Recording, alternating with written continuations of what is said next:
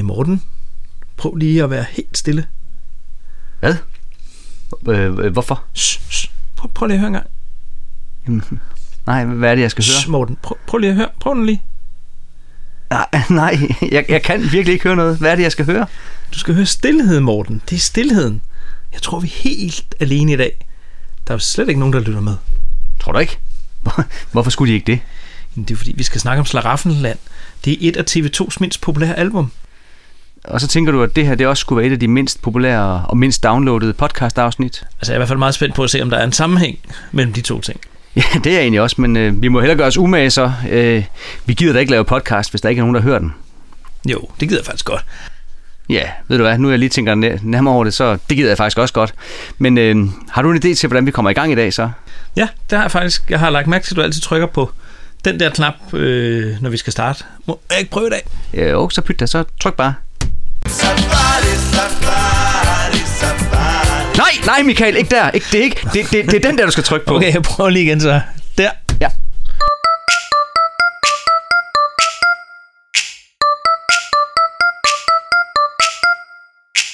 Vi taler kun om TV2 oh, oh. Babadabadabab. De er gode Og så kom vi rigtig i gang med 10. afsnit af Vi taler kun om TV2. 10. afsnit alligevel. Så har vi jo sådan en slags jubilæum. Ja, det kan man da godt kalde det. Jeg synes, det er utrolig godt gået, at vi er kommet så langt allerede. Ja, altså TV2 brugte i hvert fald 10 år til at nå til Slaraffenland. Øh, vi har ikke engang brugt et halvt. Nej, det er rigtigt. Vi har jo så heller ikke skulle finde på sangen undervejs, og, og vi heller ikke skulle på turné med podcasten. Nej, nu Morten. Hvem ved? Det kan da være, at vi tager på landvejen en dag og ser vores lytter i øjnene. Ja, det kunne godt være. Uh, hvis vi skulle det, så, så gad jeg altså godt have Hambro med til at lave ordentligt lys, så vi kunne tage, tage os godt ud. Jamen, så vil jeg også bakkes op af de Aarhus Horns. Ja da, og... Ja, okay. Rolig. Rolig. Skulle vi ikke lige se at komme ned på jorden igen, og så snakke om det, som det i virkeligheden skal handle om i dag? Du har nok ret, Morten. Pæn goddag alle sammen, og øh, velkommen til det længe ventede og af nogen næsten frygtede afsnit om Slaraffenland. Vi er nået til 1991, så som tidligere nævnt, kan vi både fejre de første 10 år af TV2's karriere, ligesom Slaraffenland også var TV2's 10. album. Ja, i hvert fald hvis vi tæller Fri som fuglen live-albummet med. Og det gør vi. Ja, i høj grad endda. Altså, jeg elsker den der liveplade, og lad det være lige sagt med det samme. Jeg elsker også Slaraffenland. Åh, oh, pyha, det, det gør det lidt nemmere for os begge to, tænker jeg. Øh, men jeg synes faktisk, at vi er nødt til at starte et helt andet sted i dag. Er vi det? Skal vi ikke starte med TV2? Jo, jo, selvfølgelig skal vi det, men øh, jeg synes faktisk ikke, at vi skal starte med at høre noget fra Slaraffenland. Men så afviger du bare helt fra vores koncept, Morten. Hvad skal vi så høre? Jamen, øh, jeg synes, vi skal starte med at høre noget fra det album, som blev udgivet til fordel for Amnesty International i 1991.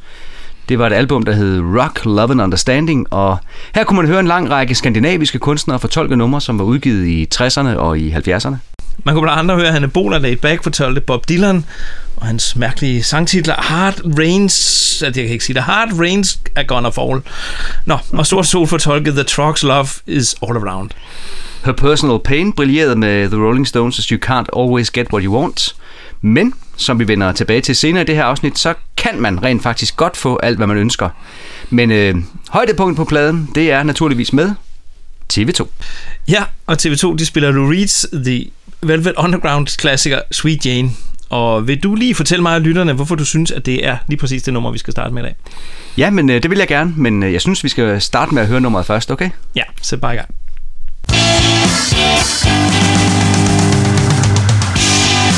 Standing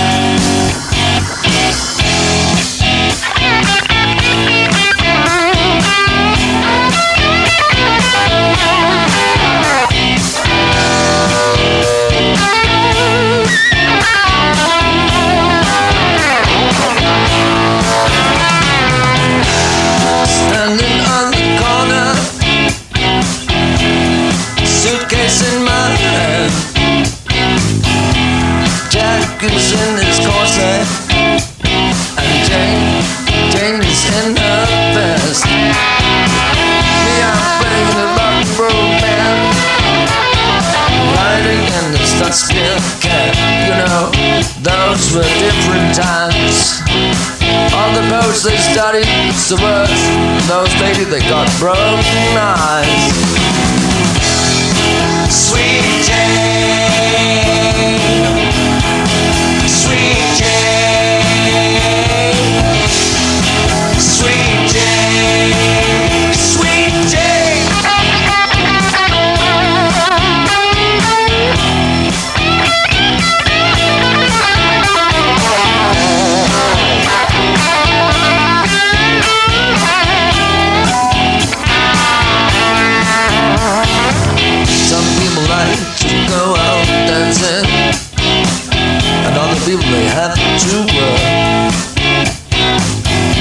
sons evil mothers. They're gonna tell you that life is just good.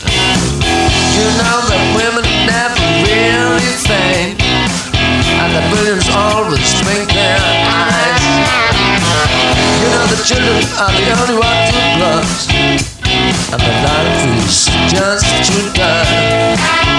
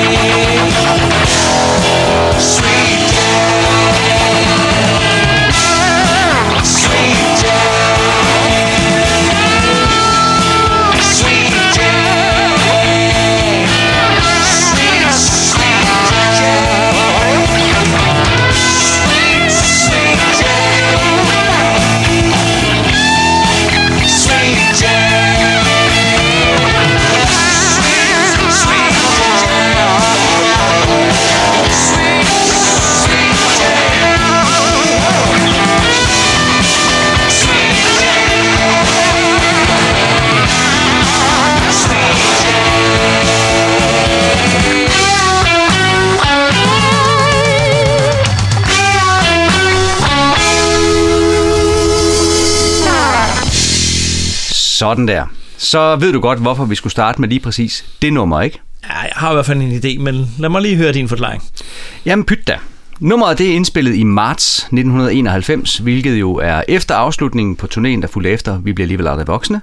Men før indspilningerne af det, der blev til, til Slaraffenland, gik i gang. Jeg har læst, at lige præcis indspilningen af dette ret rockede nummer inspirerede TV2 til at bevæge sig i den retning med deres nye album. Ja, og øh, det har jeg også både læst, og jeg synes også, det virker ret øh, sandsynligt. Øh, sangen den optrådte første gang på The Velvet Undergrounds album Loaded i 1970. Det er skrevet af Lou Reed, og Rolling Stone Magazine placerede sangen som nummer 342 på listen over verdens bedste sange. Altså, du mener den liste fra 2004, som de kaldte Rolling Stones definitiv liste over verdens 500 bedste sange, og som så blev revideret sidste år. Ja, lige præcis den liste, ja. Er der jo noget bedre end at have magten til at revidere noget definitivt? Øh, nej, jeg gætter så på, at det var fordi, de havde indset, at TV2 skulle indtage de første 200 pladser på den der liste. Ja, godt og vel. Det burde de i hvert fald, hvis du, øh, hvis du spørger mig. Dagbladet Køge, de skrev om TV2's præstation, at uh, Steffen Brands svedende grin kan næsten ses, når TV2 med en vild og uregerlig Hans Erik Lærkenfeldt på guitar og rocker sig gennem Lou Reed's Sweet Jane. Den sang skal vist ikke tages alt for alvorligt, men sjovt er det, og Steffen Brandt kan faktisk godt synge som onkel Lou. Ja, altså helt personligt kan jeg bedre lide TV2's version end The Velvet Undergrounds, men ja, sådan vil jeg nok have det med stort set alle coverversioner, som TV2 kunne finde på at lave. Dagbladet Holstebro Struer skrev i deres anmeldelse af Slaraffenland, at pladen ligefrem havde Reed i sig. Indspillingen af Lou Reed-nummeret Sweet Jane er ikke gået sporløst hen over gruppens nye album Slaraffenland, der mest befinder sig i omegnen af blues, rock og rull. Og med det sat på plads, så kan vi komme i gang med selve Slaraffenland og høre, hvordan det lyder, når TV2 spiller noget, der befinder sig i omegnen af blues, rock and roll. Øh, ja, taler du til mig? Øh, jeg har ikke andre, Morten. Jeg taler til dig. Sæt nu bare den plade på. Okay.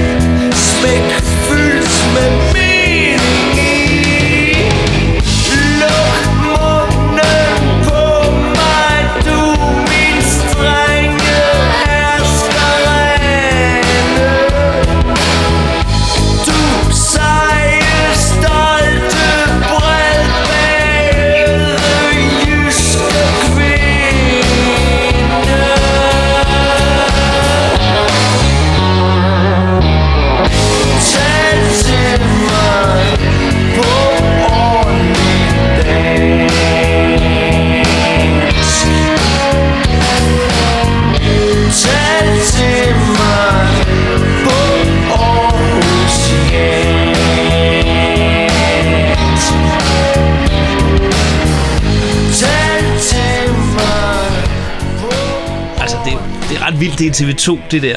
Det lyder jo slet ikke som noget, vi har hørt før. Altså, det er i hvert fald ikke som en... Altså, de plejer med sådan en være sådan let og frejdig albumåbner. Det, Ja. det er noget helt andet. Ja, det er det. Det er en lidt anden stil, de har gang i her. Øhm, jeg har vist tidligere nævnt her i podcasten, at jeg gik på efterskole på det her tidspunkt, da Straffenland udkom. Ja, det var jo der, hvor der var en hel masse, der hørte heavy, og du prøvede at argumentere for, at tekstet for døve, det var TV2's bud på en heavy sang. Ja, lige præcis. I det hele taget så brugte jeg en masse tid ude på efterskolen på at argumentere for, at TV2 var verdens fedeste band. Og det var desværre ret meget op ad bakke derude. Men øh, jeg husker så tydeligt, da Straffenland udkom, det var en torsdag. Så om fredagen tog jeg rutebilen ind til Skjern for at købe kassettebåndet med det samme. Du tog, hvad rutebilen? Ja. Var der ingen busser? Jo, det, altså, rutebilen, det er en bus. Nå. Men øh, jeg var simpelthen så nervøs for, om de ikke havde nået at få den der, øh, det bånd endnu, eller om det skulle være udsolgt. Så jeg gik med rystende skridt og bævende stemme ind til den lokale radioforhandler i Skjern og spurgte, om de havde fået den nye med TV2. Og det havde de. Heldigvis. Manden i butikken, han kiggede endda sådan lidt undrende på mig, så måske var jeg den allerførste, der havde spurgt. Så, du sidder lige og fortæller sådan lidt en ikke-historie. Altså, du tog rutebilen, og du fik båndet, og, og hvad så? Ja, ja, det kan du have ret i, men så skyndte jeg mig selvfølgelig tilbage til efterskolen Med rutebilen? med rutebilen. Jeg skyndte mig ind på mit værelse, satte båndet i ghettoblasteren og skruede helt op. Og så gik der kun cirka et minut af tal til mig, før en af efterskoledrengene, der mest var til heavy og i tvivl om, hvad han skulle tro, åbnede døren og kiggede undrende ind til mig, og så sagde han de berømte ord. Er det TV2, det der? Hold da op. Der er vist sket et eller andet. Det havde han jo faktisk ret i. Øh, Det er et virkelig tung, tung beat, som øh, Claus Hempler også synger om. Ja, og så sådan meget øh, basic, ikke? Altså, der er trommer, der er bass, der er guitar, der er sang, og ikke så meget andet. Og så en Lærkenfeldt, der får lov til at gå mok helt fra starten. Ja, han spiller rockgitar med stort R. Blandt andet bruger han den teknik, der hedder tapping, som jeg ikke mener have hørt fra ham tidligere. Prøv lige at høre det her.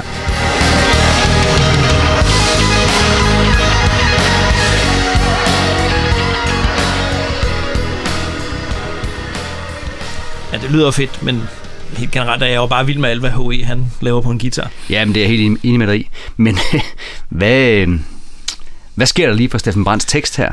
Altså, det er vel nærmest en hyldest til den seje, stolte, hertebrede jyske kvinde. Som både er hans dogne elskerinde og hans strenge herskerinde. Det er altså ikke kun musikken, der er anderledes her. Steffen Brandt har også skiftet stil i teksterne. Hvordan har du det egentlig, Michael, med at han synger om en jysk kvinde? Burde det ikke have været en københavner for at gøre dig glad? Jo, det skulle man tro, men øh, hvis du nu havde øh, læst nogle af mine romaner, så ville du også vide, at jeg synes, der er et eller andet over de der jyske kvinder, der, der taler jysk. Øh, jeg skriver decideret i en af mine bøger, at det er lettere at falde for en kvinde, der taler syngende oceansk, end flat amerikansk. Nå ja, men det så endnu et eksempel på, hvordan Steffen Brandt mere eller mindre subtilt sniger sig ind i det, du skriver. Ligesom han også blander sig, uden han selv ved det, i min øh, sangskrivning. Ja, som vi har sagt det før, vores liv vil bare ikke være det samme uden Steffen Brandt. Nej, det, det er helt rigtigt. Men der er altså noget ret underligt i den her tekst også. Noget, som jeg ikke gætter på, at, at du har brugt nogle steder i dine bøger. Øh, ret mig, hvis jeg tager fejl. Jeg tænker på linjerne. En andalusisk understrøm af indforstået King Plingeling, eller Pling Tingeling, som der står, når man læser teksten på orkestrets hjemmeside. Der må jeg indrømme, der tænker jeg altså bare, øh, hvad for noget? Øh, det giver da super god mening, godt ikke? Jeg har tit drømt noget, som var indforstået pling-tingling. Okay, altså, jeg har sunget Tingelingelater Tinsoldater, men jeg ved ikke helt, om det er der, han har inspirationen fra. Det kan også være fra Shubidua, du ved, den der nam nam. Hiver swing, tingeling og nam nam. Nå ja, jamen jo, du har ret, jeg kan godt se. Og nu har jeg også sunget i podcasten. Ja, det har du. Tingeling, det er et uh, fuldstændig almindeligt forekommende ord i dansk sangskrivning, så, så det er måske ikke så underligt alligevel. Nej, jeg synes, det mest underlige ved teksten, det er, at øh, når jeg finder min LP-version af Slaraffenland frem, så er der en inderpose øh, plus et ekstra ark med sangteksterne. Men der er bare sket den fejl, at øh, der er trykt det samme på begge sider af arket, så teksterne til øh, hele side 1 på pladen, de er, de er slet ikke med på LP'en. det er rigtigt. Ups. Nå, så er det godt, at Steffen Brandt igen synger så langsomt på især det her nummer, at man sagtens kan høre ordene. Ja, han synger vildt langsomt igen. Øh, Jeg synes heller ikke, vi skal glemme, at det er en, det er en ret sjov, meget morsom tekst. Jamen, fuldstændig enig. Altså, alene det der rim med, med ordentlig dansk og aarhusiansk, det gør jo, man kan ikke, man kan ikke lade være med at trække på smilebåndet der.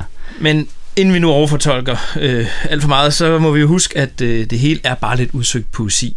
Helt uden mening i.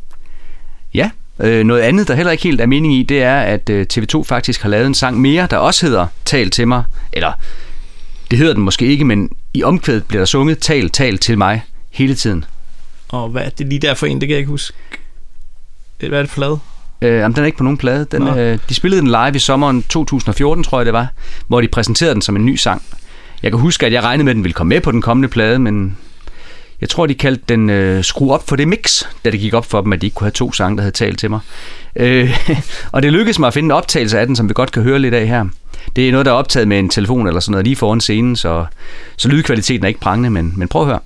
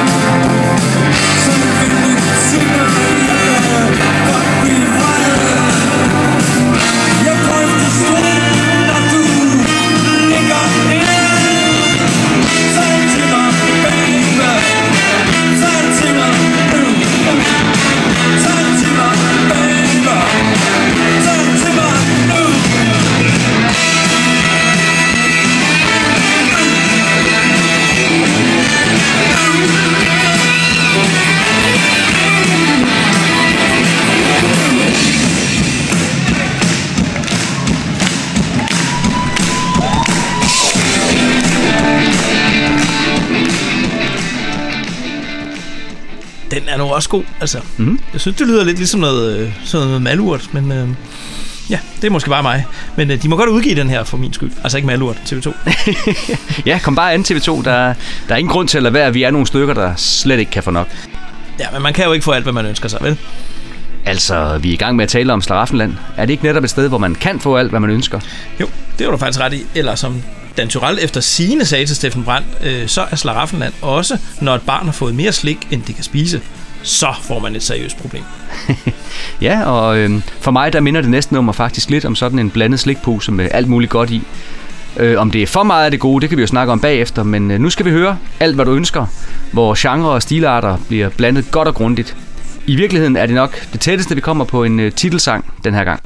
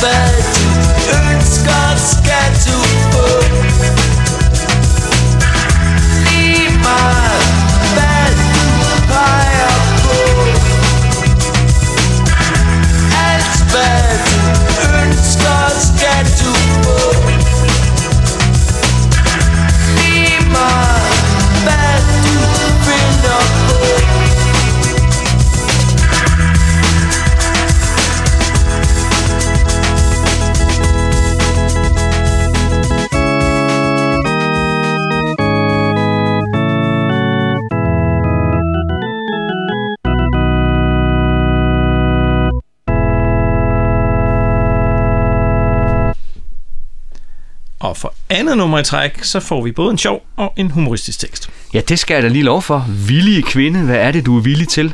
En uh, tur med prinsen på den hvide hest, hen ad livets landevej. Det er både godt og sjovt skrevet. Ja, og den der landevej, den ligger der vist et sted langt ude øst på, tror jeg. Ja, det tænker jeg også. Sådan lyder musikken i hvert fald. Der er både sitar og alt muligt. Er det ikke sådan lidt uh, Beatles- Beatles-agtigt også, Morten?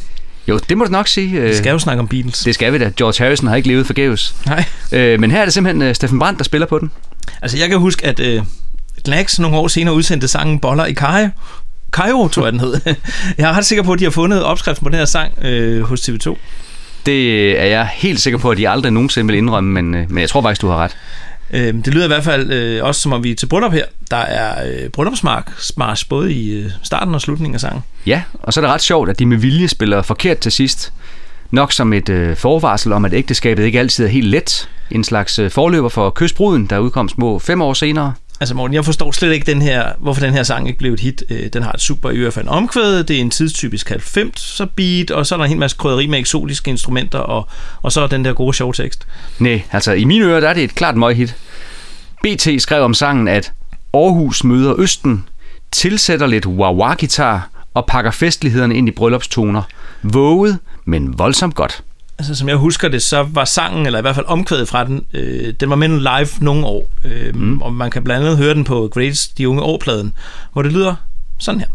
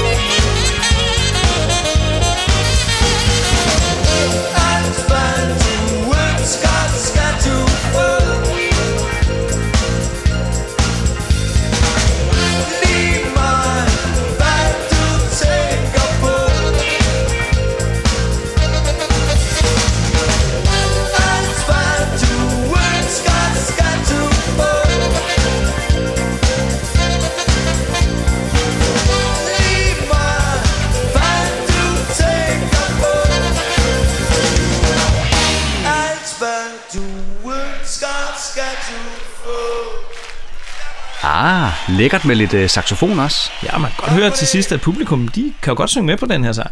Ja, ja, altså som du sagde lige før, så er det underligt, at det ikke blev et gigahit, men udover at være en sjov tekst, så er det faktisk også en livsklog tekst, hvis du spørger mig. Altså, det er svært at være prinsen på den hvide hest, når man ikke kan aflæse, hvad det er, pigen vil, men hun skal få alt, hvad hun ønsker, skal hun.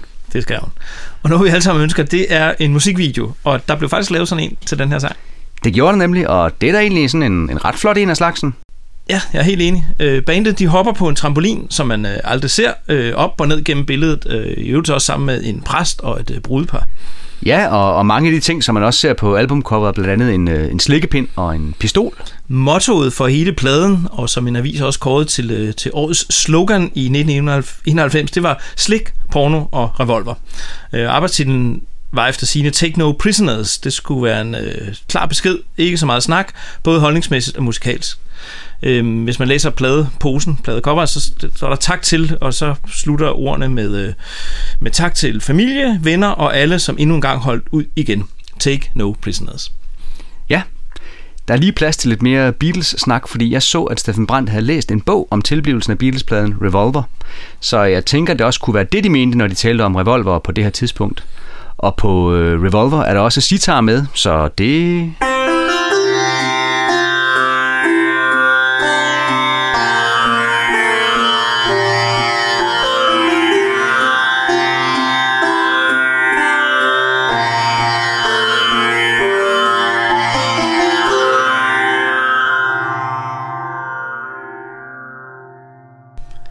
Og nu tror jeg, det er blevet tid til noget helt andet. Ja, vi skifter stil endnu en gang. Fra alt, hvad du ønsker os, kludetæppe af genre og stilarter, til noget, der vel godt kan betegnes som lige ud af landevejen poprock. Ja, det kan det, og det er shit. Synes du? Det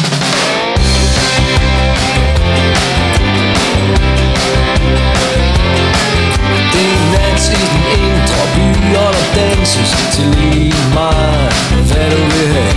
At Baby leder efter svar på livets største mysterier Hvor blev festen af? Det er shit. Hun synes godt nok, det er noget shit. Vi barn hænger bandet, som aldrig bliver voksne Og prøver desperat at følge med For unge til at føle ansvaret tynde Som andet en dårlig samvittighed Det er noget shit De synes ikke det er shit hvis det er B-festen, så er festen forbi. Vi siger bye, bye, bye, bye. Nu spiller vi igen vores melodi. Den siger bye, bye, bye, bye. Bye, bye, bye. Og vi vi kører junior-direktøren For den netop fusionerede koncern i arbitrage på Hun stopper kreditkartet langt ned i halsen Så han næsten kvæles og huster kontanterne op. Det er shit han synes især, det er noget shit. Hvis det er det festen, så er festen forbi. Vi siger bye, bye, bye, bye Nu spiller vi igen vores melodi Den siger bye, bye, bye, bye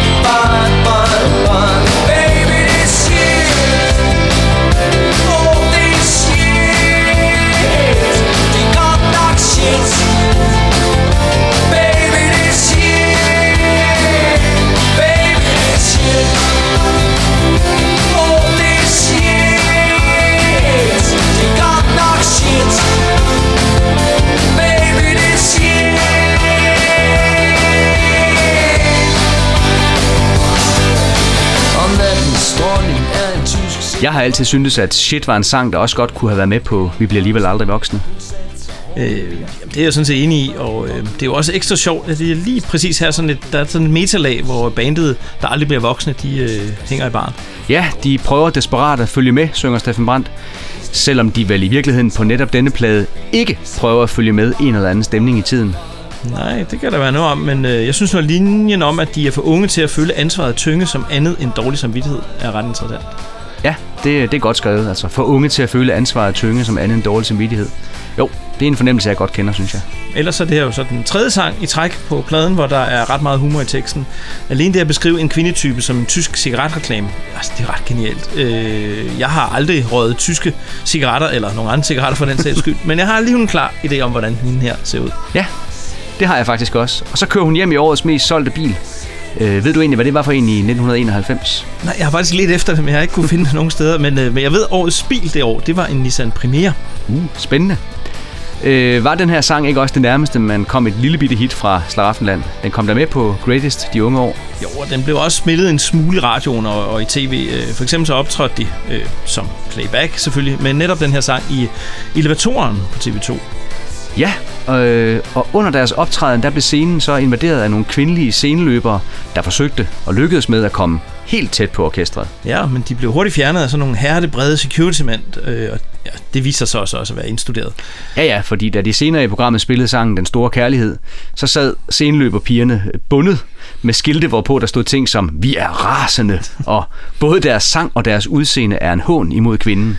Elevatorverden Eva Jørgensen, hun forsøgte mere eller mindre forgæves at få en forklaring på, hvorfor albumet hed Slaraffenland. Øhm, I skal lige høre Steffen Brands bortforklaring her. Jeg snakker om rockgruppen TV2.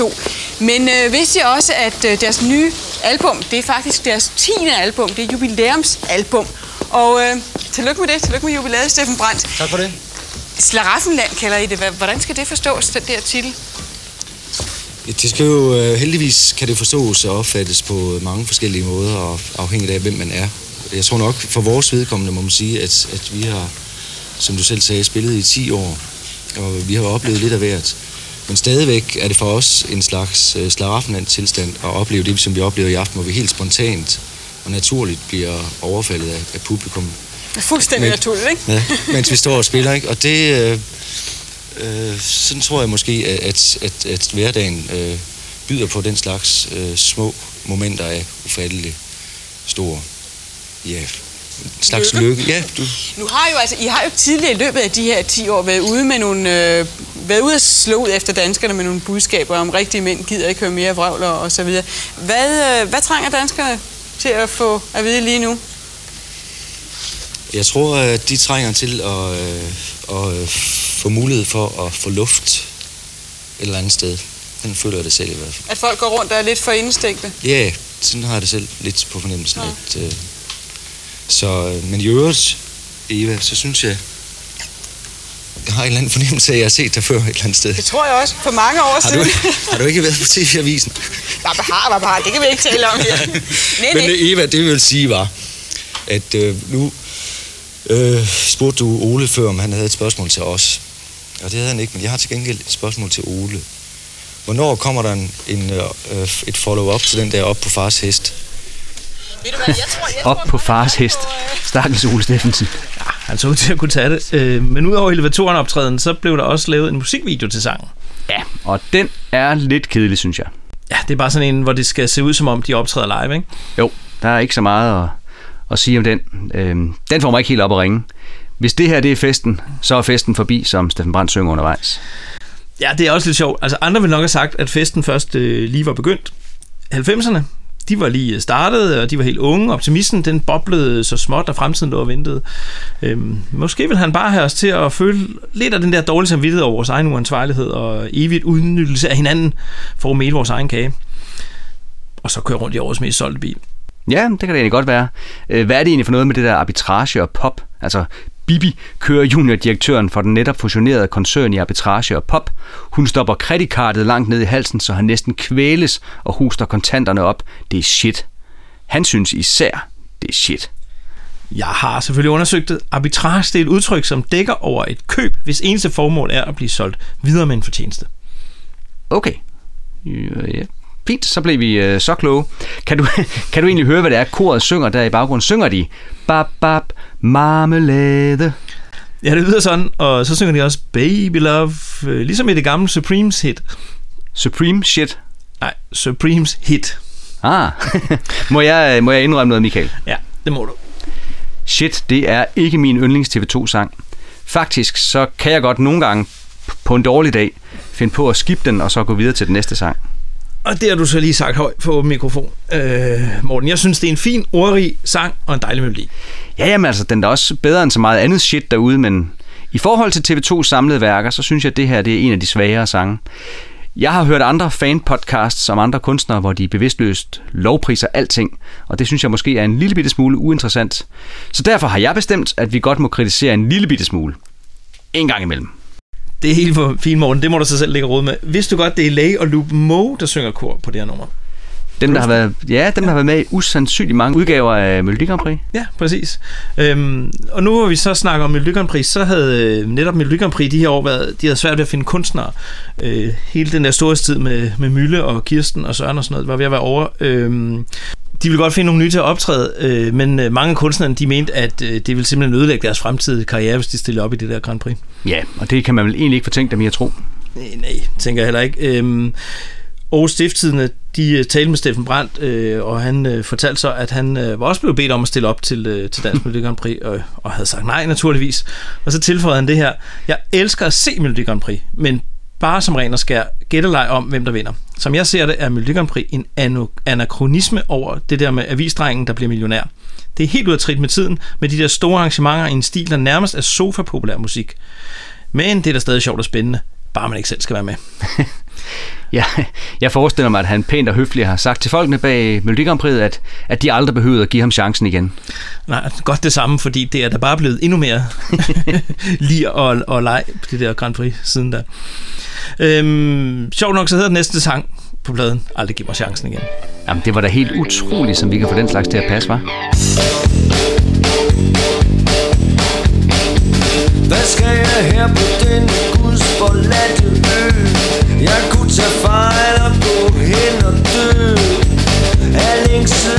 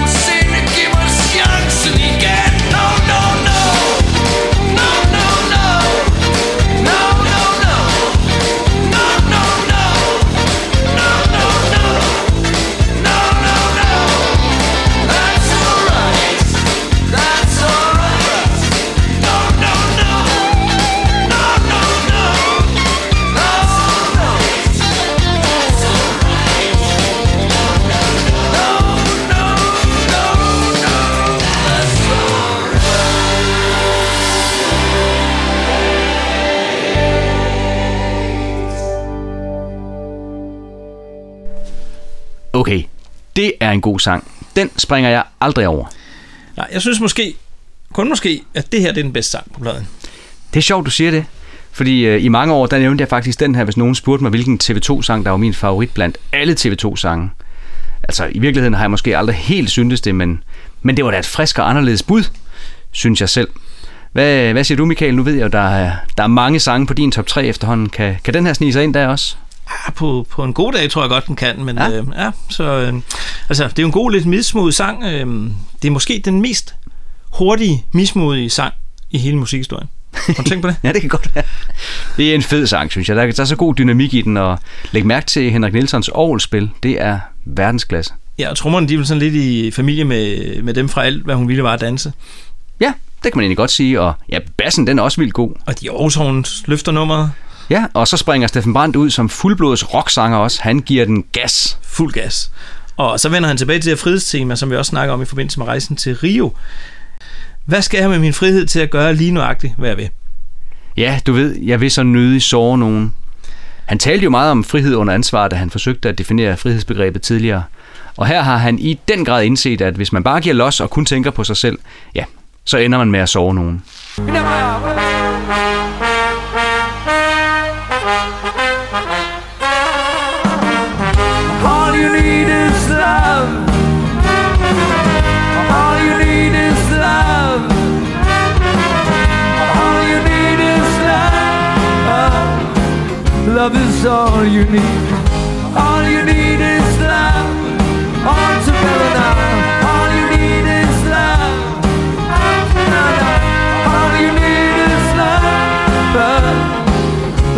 Is all you need. Love is all you need. Love is all you need.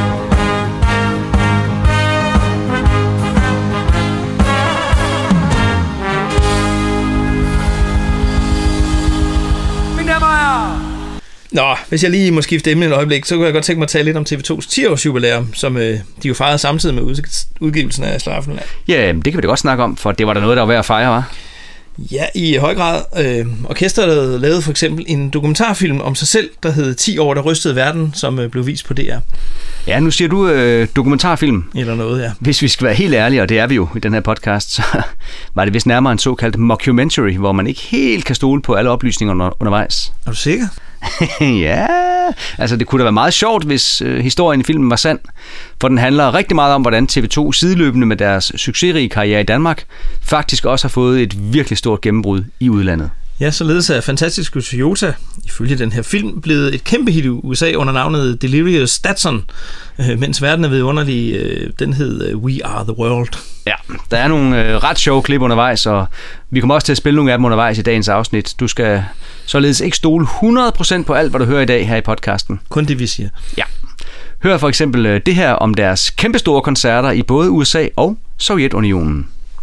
Herefter er det så, at de tager afsted på verdensturné. Det er koncerter i 173 lande på ikke mindre end 21 måneder. I spiller Grand Canyon i USA for 700.000 muslimer, og i den anden ende af spektret spiller I den røde plads på døren. Og så er det pludselig, I rager uklar med tvind. Øh, Svend. I rager uklar med tvind. Øhm, jeg hedder Svend.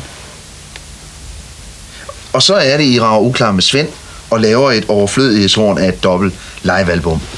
Undervejs i turen følger et filmhold fra CBS bandet i hælene, og vi har fået lov til at låne nogle meget sjældne optagelser fra denne storslåede, ekstravagante turné. Eller, som musikbladet Rolling Stone skrev i en reportage, et orgie i jetfly, limousiner, groupies, luksushoteller, alkohol og anpartsprojekter.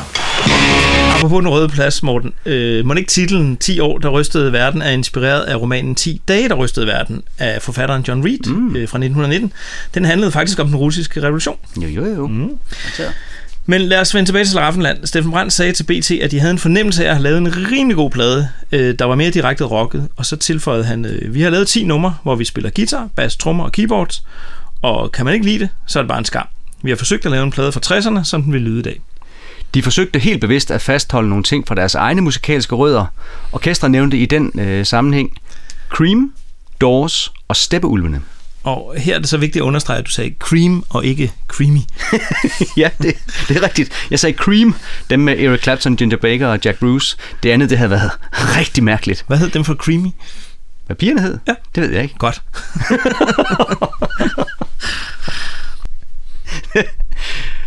Puha. Øh, Så tilføjede Steffen Brandt til diverse aviser. Vi forsøger at skabe en nutidig lyd på nogle genrer, vi selv har været igennem. Vi har arbejdet meget på at få numrene til at fungere fuldt ud med fire instrumenter.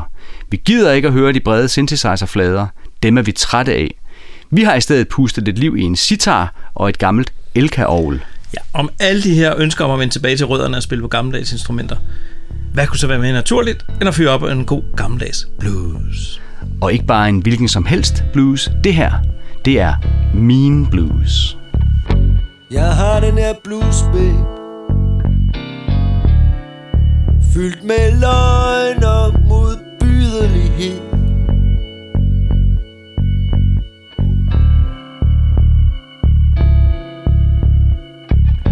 Jeg har den her blues babe Den er som min Så selv ikke du kan være med.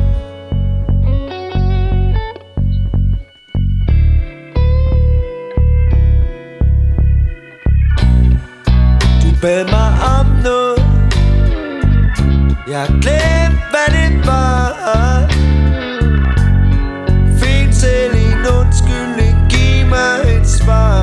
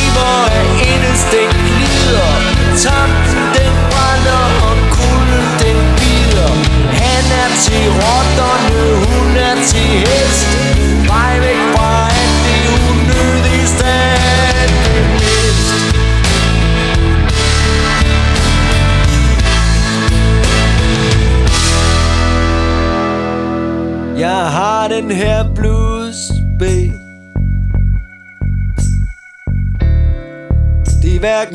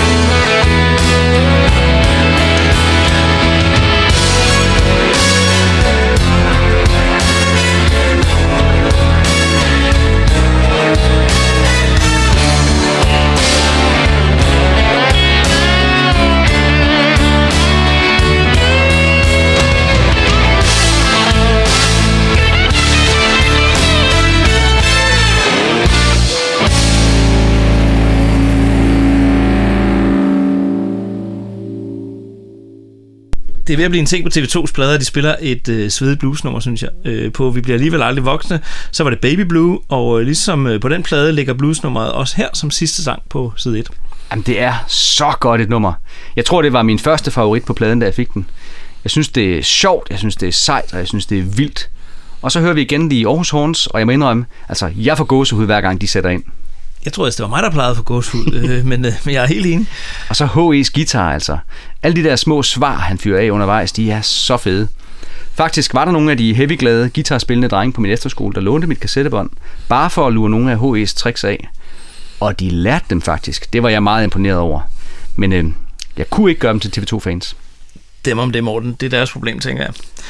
Anmelderen fra Information skrev om den her sang, at øh, den eneste virkelig positive overraskelse på plade er den tætte, nærværende Mean Blues, hvor gruppen med held har oversat bluessproget til dansk uden at ødelægge nogle af delene.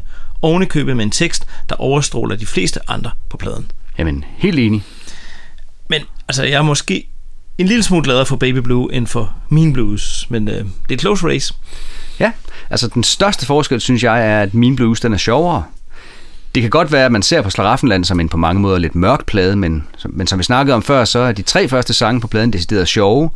Det er Mean Blues altså også, og på side 2 har vi måske TV2's sjoveste sang overhovedet at se frem til. Altså, jeg gætter på, at du ikke tænker på, øh, på Kold som Kiks. Nej. Jeg har, jeg, har en, jeg har en idé om, hvad det er for, øh, for en sang, øh, du tænker på, men øh, lad os lige dvæle lidt ved humoren i min blues først. Øh, så vil jeg lige fremhæve linjerne. Væggene driver af indestængt lider. Tampen den brænder, og kulden den bider. Han er til rotterne, hun er til hest. På vej væk fra alt det, hun nødigst af alt vil mist. Ja, han er til rotterne, hun er til hest. Det er sjovt. Ja, og det, der er nogle fantastiske billeder i det. Altså, væggene driver af indestængt lider. Wow. Ja, og så ordspillet i sangens titel, ikke? Altså, er det Mean Blues, eller er det Min Blues? Altså, jeg kommer lidt til at tænke på, øh, på sangen Software-fejl fra Amerika-albummet, hvor de synger om blues for store og blues for små. Og blues for alle os, der går med bluesen udenpå. Steffen Brandt er sjov. Basta. Øh, jeg kan også godt lide live-versionen, som er på verdens lykkeligste band-albummet, øh, hvor der er så meget nerve i Steffen Brandts stemme. Kan vi, kan vi ikke lige høre lidt af den version? Jo, jo, selvfølgelig kan vi det.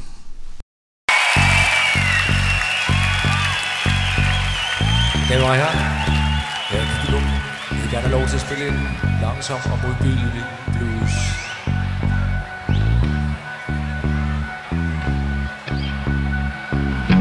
Jeg har den her bluesbring Fyldt med løgn og modbydelighed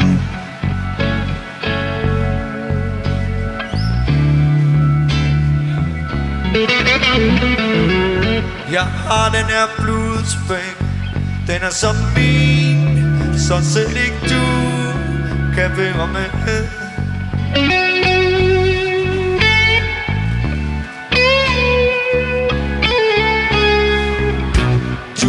Du bad mig op nu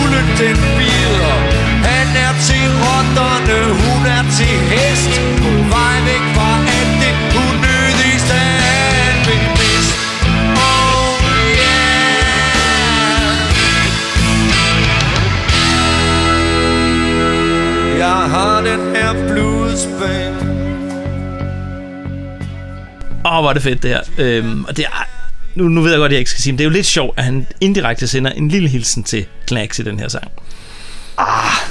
Ja, jeg havde håbet, vi ikke behøvede at snakke om det. Jo, jo, det skal jo med, for i sangen så nævnes herre og fru Flest fra Vejlby Vest.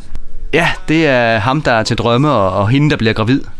Ja, lige præcis. Øh, og jeg synes, vi er nødt til at nævne, at Glax helt tilbage i 1986 udsendte sangen Sensommer på strøget, hvor herre og fru Høst fra Skanderborg Øst er med. Ja, jeg kan godt huske den. Det er den der med det fantastiske rim. Bum, bummelum. Guitar og trum. Ej, jeg, tror, jeg foretrækker, hvor I indgår de særeste ting af indforstået kling plingeling. For nogle år siden, der så jeg i avisen, at Knax skulle udsende et Greatest Hits album. Jeg fortalte det til min kære hustru, og hun spurgte, uden at blinke, om det så var en EP. Okay, nok, om- nok om Glax. Øh, Du fortalte før, at du købte pladen på kassettebånd i sin tid. Øh, Jeg boede øh, her i 91 i, i Florida, da Slavenland udkom, og jeg fik sendt den derover også på kassettebånd af en af mine venner. Og jeg lyttede ret meget til den, og jeg må nok sige, at altså, den gav mig faktisk lidt, lidt hjemme at høre det her kassettebånd. Ja, det kan jeg egentlig godt forstå. Men øh, nu du også havde den på kassettebånd, har du så også lagt mærke til, at vi kassettebåndslyttere blev lidt snydt? Jamen, det fandt jeg ud af siden, da jeg så kom hjem og købte CD'en, fordi vi fik jo aldrig den lange autosolo på kedelig historie. Nej, den er rigtigt. I virkeligheden, der var kassettebåndet en lidt skrabet udgave. På CD'en fik man ud over den lange solo til slut også lidt indlagt pladespillerstøj i starten, som en hilsen til de tider i en ikke særlig fjern fortid, hvor man måtte trækkes med den slags. Ja, det er rigtigt. På, øh, på, og på selve CD-skiven, så havde de skrevet, at hensyn til de mange CD-lyttere, som inderst inde stadig foretrækker gramofonpladen, er der i starten og slutningen indlagt lidt hyggelig pladelyd. det, var, altså, det var i hele taget en stor ting den her gang, hvor, hvor de fleste gik fra pladespiller til, øh, eller kassettebånd til CD. Ja, kan huske den der uh, Tom Petty-plade, der hedder Full Moon Fever. Der havde han ligefrem indtalt sådan en hilsen til dem, der lyttede med på CD. Prøv lige at høre her. Hello, CD listeners. We've come to the point in this album where those listening on cassette or records will have to stand up or sit down and turn over the record or tape. In fairness to those listeners, we'll now take a few seconds before we begin side two. Jamen, når selveste Tom Petty siger det, så venter vi også lige et par sekunder, før vi vender pladen. Okay. Og så er vi vist klar. Og hvis side 1 sluttede lidt tungt og mørkt med en blues, jamen øh, så starter side 2 lyst og venligt med en sang om den store kærlighed.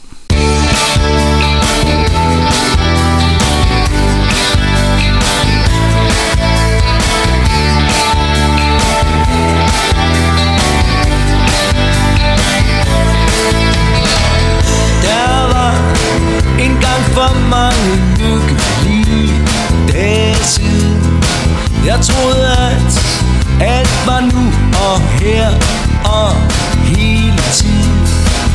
Jeg vil, jeg ville gøre hvad som helst for dig.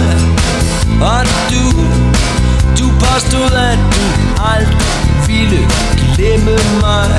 Nu står du der igen i streng forbudt drømme Visker mig i øret Alting har betydning. Det hele går lige op. Hvis man venter længe nok og det er noget nær de højeste mennesker kan nå. Og måske det tætteste vi kommer en forklaring på.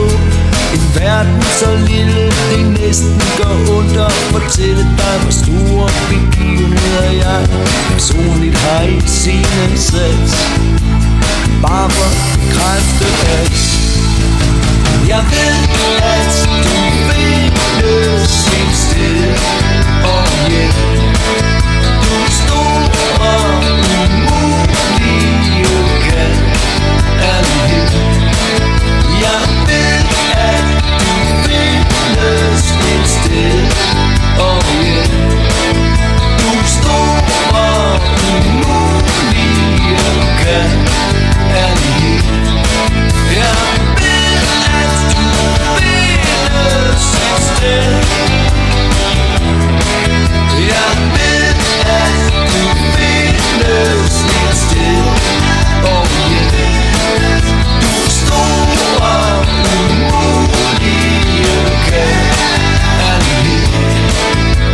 Jeg står der endnu. Trofast og glor blandt skabede hunde og skurvede for Oh. Yeah Striktrøjen vokser, jeg kan ingenting se. Er det lige begyndt? Er det snart forbi? Oh no. Oh yeah. Så gik cirka tusind Ah, man kan blive helt glad og lettet over, lyst og venligt det nu endelig lyder. Øh, jeg vil næsten påstå, at vi lydmæssigt er ude i en sang her, som lige så godt kunne være med på den næste plade, altså Verdens Lykkeligste Mand. Ja, det kan der faktisk være noget om. Jeg kan godt høre, hvad du mener i hvert fald. Lyset er tilbage, og Steffen Brandt synger om den store kærlighed. Alt er godt. Næsten alt, ikke? Fordi der er jo så også stadig nogle lidt underlige og småt dystre billeder i sangen. Øh, Hvor mange andre pop popsange kender du, som, øh, hvor der indgår et skurvet får, for eksempel? Nej, der, der kender jeg ikke nogen sang. Det er, rigtigt. Det, det er et lidt mærkeligt billede, faktisk. Altså, jeg ved ikke engang, hvad et skurvet får er. Øh, er der nogen, der ved det? Ja, altså, Google er din ven. Jeg, jeg søgte, og jeg fandt et billede af et får med skurv. Øh, prøv, prøv lige se her. Ja, det, det er godt nok ulækkert. Øh, Det der billede, det lægger jeg ikke ud på Instagram. lad, lad endelig være med det, men i det store hele har sangen vel et optimistisk budskab. Jeg ved, at du findes et sted, du store umulige kærlighed. Vejen dertil er besværlig, og måske tror Steffen Brandt ikke helt på, endnu, at kærligheden overvinder alt. Ja, der er håb for kærligheden, også selvom den er stor umulig. Øh, noget andet, der er umuligt, det er at give et entydigt billede af, hvad anmelderne egentlig syntes om pladen, da den udkom. Nej, det er nemlig meget blandet. Øh, da jeg så havde genlæst anmeldelserne øh, i forbindelse med, at vi researchede her, så var jeg faktisk overrasket over, hvor mange positive anmeldelser af Slaraffenland, der trods alt kom. Ja, altså man har lidt det der billede af, at Slaraffenland er en udskældt og næsten hadet plade, men, øh, men det holder ikke helt. Nej, for eksempel BT, som vi også har lagt op på vores Instagram, de gav 5 stjerner ud af 6 mulige, og anmelderen øh, Susanne Johansen, hun skrev under overskriften, alt hvad du ønsker følgende. I TV2's Slaraffenland får man alt, hvad man ønsker. Af bluesen, rocken, hausen, syren. Jeg vil æde en hvilken som helst hat på, selv de kodyl corny, som TV2 har iført sig på coveret, at de her numre vil vælte det hele, vil vælte det hele ude i de danske sportshaller i løbet af dette efterår. Det bedste ved Slaraffenland er, at den viser, at TV2 ikke er gået i stå. At Steffen Brandt ikke sætter sit talent i bås, og at de herrer Lærkenfeldt, Olsen og Gavl er med på den værste. Og hvad kan man så mere forlange? Dagbladet Køge kaldte deres anmeldelse for TV2 i legehumør og skrev sådan her. Det er en herlig skæv CD, der ikke er præget af nogen speciel stil, men derimod lidt af en rodebutik med inspiration fra rock and roll, blues, syre og house. Det er betryggende at vide, at den aarhusianske herrekvartet stadig har lyst til at eksperimentere med musikken, og undervejs kaster de sig også ud i nogle hylende morsomme tekster. Fyns Stifttidende, de synes, at TV2 var præget af total vitalitet, og anmelder Jesper Mads Eriksen, han synes lige frem, at en pladetitel sjældent havde været mere passende. Et overflødighedshorn, skrev han, af idéer, legesyghed og nysgerrighed, hvor vi tidligere på året kunne opleve et andet grand old band, Glax, rutinemæssigt læne sig op af fordomsbedrifter, så at disse aarhusianere er sprunget ud i en tv-total vitalitet, der ikke turde være mulig. Uh, sikkert ordspil var TV Total Vitalitet. Ja. det fri aktuelt Kim Skotte, som ellers tidligere har været lidt skeptisk, når det handler om TV2, skrev følgende under overskriften Aarhusiansk roulette. Steffen Brandt er tilbage som effektiv sloganmager. Men nu er det med en ballast af bistre misantropi, som smager umiskendeligt af den personlige erfarings bitre urt. Veloplagt desperation. Hylende sjov tristesse. Stor latter runger i livets tomme rum, og på en plade, der musikalsk er mere mundt og spraglet end egentlig helstøbt, følger man glad og noget for uroligede Steffen Brandt og Svende ud på deres nye modsætningsfyldte eventyr. I stedet for at være pladen, der begraver TV2 i afdelingen for rockarkeologi, er Slaraffenland et frisk pust fra en rygende revolver. Og selv en legetøjsrevolver i hånden på Steffen Brandt skyder nemlig med skarpt. Og apropos skarpskud, så synes jeg lige, at vi skal holde en lille pause for de her anmeldelser og nyde den næste sang. Og jeg gætter på, at det er den, du tænker på, da du snakker om, at det her er den sjoveste TV2-sang nogensinde. Ja, det er du fuldstændig ret i. Det her det er det sjoveste TV2 nogensinde har lavet. I hvert fald på det her tidspunkt. Lad os høre. Sex kan også være sjov. Og jeg glemmer aldrig første gang Det var smukt og nat Den var meget, meget Festen var forbi og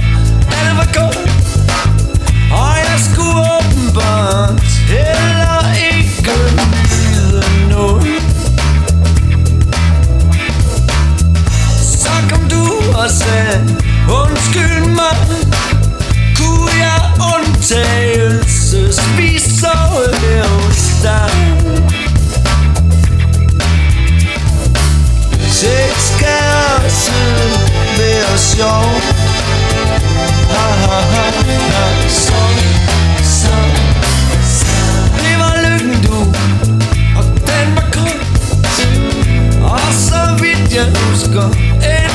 Endte kampen uafgjort.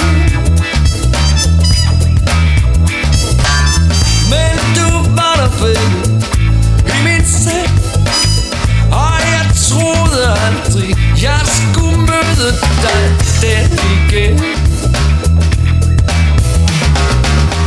Sex skal også være sjov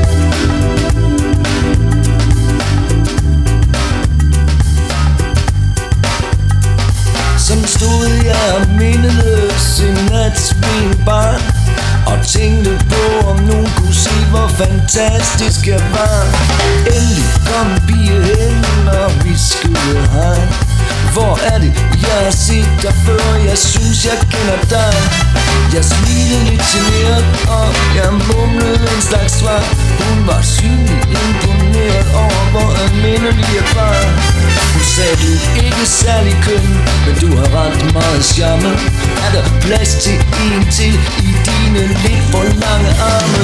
Jeg sagde, mine arme har den længde, som arme skal have.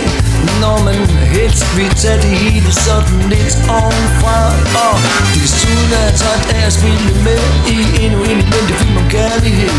Ikke for intet og alt i verden Vi er tilbringet natten med prinsessen på ærten Jeg kender det smil, når hun vågner op Som den skæggede dame uden underkrop. Jeg synes personligt selv, at det var ret godt sagt Men det var ligesom om, at stemningen var ødelagt. Hun sagde, slap dog af, man eller skriv en sang. Har du glemt, at det var mig, og det var allerførste gang? Efter mig en gensyns gik vi hjem i seng Og jeg som troede, at jeg aldrig skulle se dig der igen Væk, væk, væk Det skal også være sjovt Så, så, så Være sjovt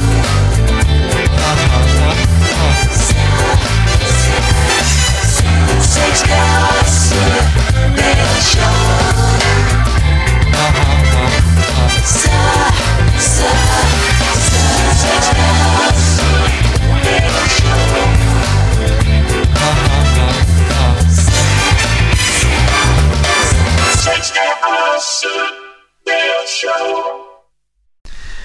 Altså inden vi begynder at tale om, hvorvidt sex nu også kan være sjovt, øhm, så må jeg lige sige, at det her det er en mega fed bas.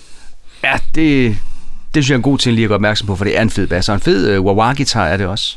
I det hele taget er det jo et ret vildt nummer, ikke? Hey, Steffen Brandt, han rapper igen. Er det ikke øh, første gang siden popmusikens vis? vi får det? Jo, jo, medmindre du vil kalde øh, Vil du danse med mig også en slags rap, men, men det ved jeg ikke. Jeg ved ikke, øh, om man må kalde det her for hiphop. Som øh, Lars Lillehold siger, så må du kalde det lige, hvad du vil, Morten. øh, du må også kalde det for en folkevise. Ja, okay, men jeg vil ikke være lige at stramme den lidt, synes du?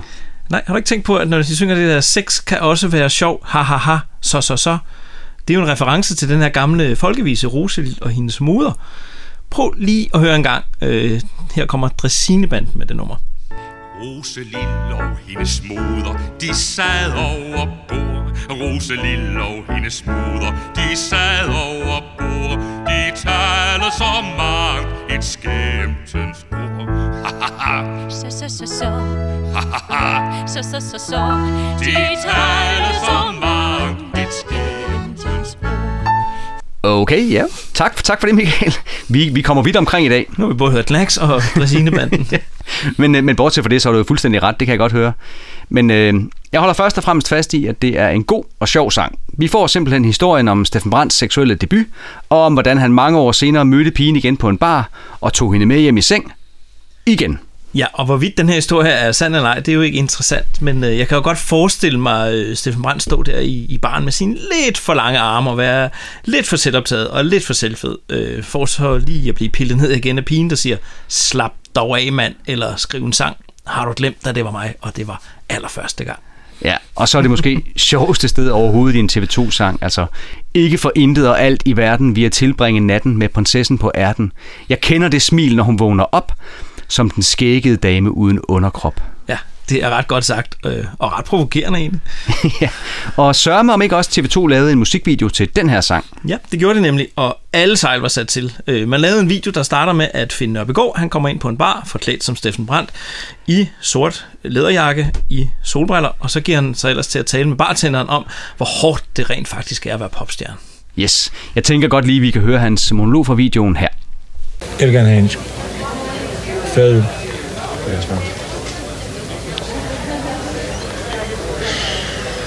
Fire jobs på en weekend, det er hårdt. Hårdt for stemmen. Det var mig, der synger. Ikke? Det bliver mange ord i sådan en weekend.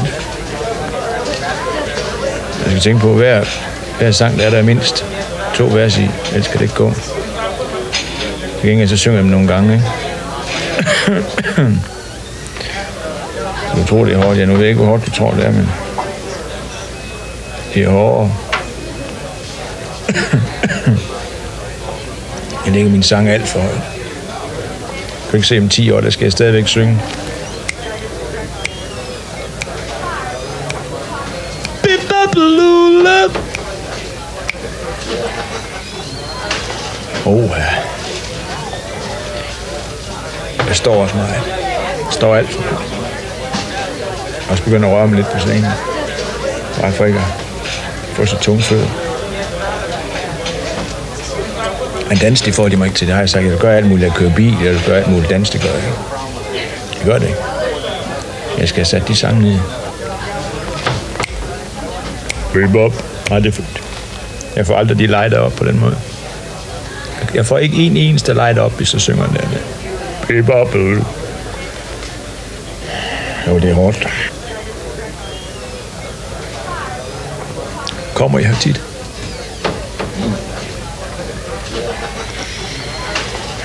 Tænk sig, så er jeg kun 27 nu. Åh, men det er nu meget sjovt. Jeg kommer meget rundt, ikke? Jeg har set mange steder i går, der var i Køge, for eksempel. Glemmer det aldrig.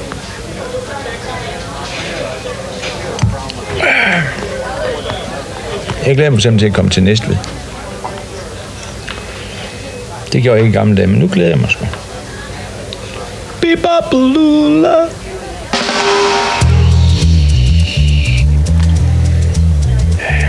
Det er det, der får en til at fortsætte. Det var de, de ski lejder, du.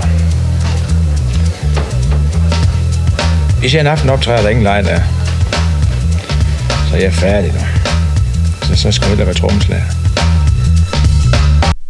Ja, det er jo godt, at TV2 ikke holder op med at spille, selvom man ikke har lighter til koncerter mere. Nej, det var noget, der var svært at forestille sig der i, øh, i 91. Øh, I resten af musikvideoen ser vi så historien for sangen folde sig ud. Vi startede hjemme hos en ung forsanger, stadig i Finn Begårds skikkelse, der efter en fest får besøg af en pige. Ja, og hun bliver spillet af Susanne øh, Bjerrehus. Ja, lige som, øh, præcis. Ja, hun var både øh, talvenner og... Øh, var hun ikke konservativ folketingskandidat også? Jo, jo. På et tidspunkt? Mm. Og, og de to ender så i seng med hinanden. Øh, vi, vi ser godt nok mest deres fødder, men altså alligevel.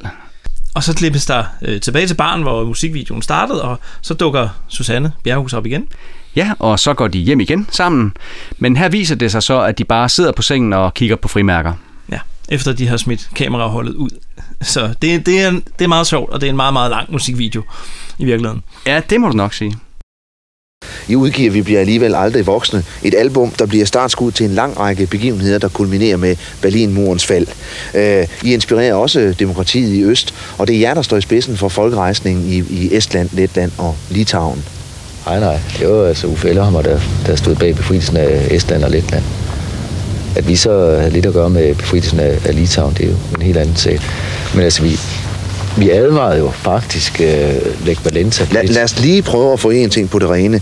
På natten for kuppet i Sovjet, der sidder I hjemmet hos Hans Grønfeldt og Nin Hansen. Til stede er også første embedsmand i Justitsministeriet, Jes Darf Andersen. Og det var jo noget, der fik mange til at undre sig over, hvad egentlig jeres rolle var i Kamelsagen. Altså det eneste, jeg kan huske på den aften, det er, at øh, Brøndby de vandt 3-2. Som øh, Kong Fuske siger, hvad man i alderdommen glemmer, det glemmer man aldrig. Lad os nappe nogle flere anmeldelser fra dengang, inden vi går videre. Okay, så gør vi det, selvom nu kommer vi til de knap så positive. Øh, for eksempel en, den fra Bornholmeren, hvor overskriften var en kedelig historie. Og så spurgte anmelderen ellers, hvor er de henne alle de sangbare melodier, de mundrette omkvæd og de friske tekster, der tager temperaturen på danskerne her og nu? TV2 kalder deres seneste pladeudspil for Slaraffenland, men det minder alt sammen mere om dødbideri. Uha. Aalborg Stiftstidende meldte om flimmer på kanalen og skrev, Aldrig har en gruppe inden for dansk poprock i første division vist skiftet stil så bræt fra plade til plade. Lyden er løsere, mere spontan og livepræget. Det resulterer i noget af det mest forvirrede og i lange stræk småkedelige TV2 nogensinde har præsteret. Sangene er nydelige, men vel langtrukne. Der er mere ryg over bandets stadig større hang til svejende, sej, sumpet blues i Mean Blues, en slags opdatering af Baby Blue fra forrige plade. Slaraffenland er kun lige akkurat delvist vellykket. lige akkurat delvist vellykket. Hmm. På Information så havde Kim Ingemann fået til opgave at anmelde, og han mente, at TV2 stort set havde forladt 80'ernes formler til fordel for noget, der var mere 70'erne og 90'erne. Slaraffenland, skrev han, er tydeligvis ud fra sine intentioner og forudsætninger en vellykket plade. Den savner blot sange, der kunne gøre uudsletteligt indtryk. Og nå, nå, jeg tror, at jeg kan nævne en i 10 sange fra pladen, der har gjort uudsletteligt indtryk på mig. Øh, Skive Folkeblad var faktisk også begejstret. De skrev sådan her. Danmarks største rockpoet har slået til igen. Peter A.G. Nielsen og Kim Larsen er der meget gode, men ingen af dem kan slå en veloplagt Steffen Brandt. Hør. Han har skrevet mange dejlige rockballader, men teksterne på Slaraffenland er en klasse for sig. Det er ren poesi. Steffen Brandt kan synge om kærlighed, uden at det virker plat. I politikken så var det Anders Rov Jensen, som anmeldte, og han kaldte pladen for et kludetæppe af spøjse kodheder. TV2 fremmer en mere direkte tone af tæt, svingende gruppesamspil, glimt i øjet og almindelig koks i kulissen. Shit, tal til mig, og sex kan også være sjov, er fantastiske TV2-sange, der overlænt leger med hele popmus- popmusikkens inventarium af charme og forførelse, tidssignalement og selvironi, humor og stilsans. Men trods sine mange fortrin bliver resultatet underligt halvhjertet. Faktisk hverken fugl eller fisk. Hverken fugl eller fisk, eller underlig fisk. Nej, det er en rockplade. Øh, ifølge Sjællands Tidene, hvor anmelderen Jesper Reutzer anmeld, anmeldte. Det er meget sjovt ham. Det var, kan du huske, at i det første afsnit fortalt, at øh, der blev arrangeret mange koncerter ude på Slagelse Gymnasium, ja. hvor øh, øh, der var det blandt andet ham her, Jesper Reutzer, som var med til at hive TV2 derud, den der koncert, jeg ikke var til. Ja. Nå, nå øh, ja. det var et tidsspring. Ja, fint. Men han skrev, at det var en stor kvalitet, at man ikke uden videre kunne placere pladen som enten det ene eller det andet. Han skrev, øh, TV2 er et søgende orkester. Slaraffenland er ikke enten eller. Den er både og. Både pop og begavet blues, både rullende rock og groove, både kantet og lige til, både ru og glat, både med og mod hårene, både eksperimenterende og helgarderet. I alsidighedens navn vender TV2 sig endnu et par grader væk fra midterlinjen i dansk poprock og finder en ny, skæv indgangsvinkel til det at lave popmusik, og det at skulle leve af det, og det at skulle holde ud at leve af det. Og lad mig så lige afslutte den her lidt blandede afdeling af anmeldelser med Berlingske, hvor overskriften lød, TV2 går i sort.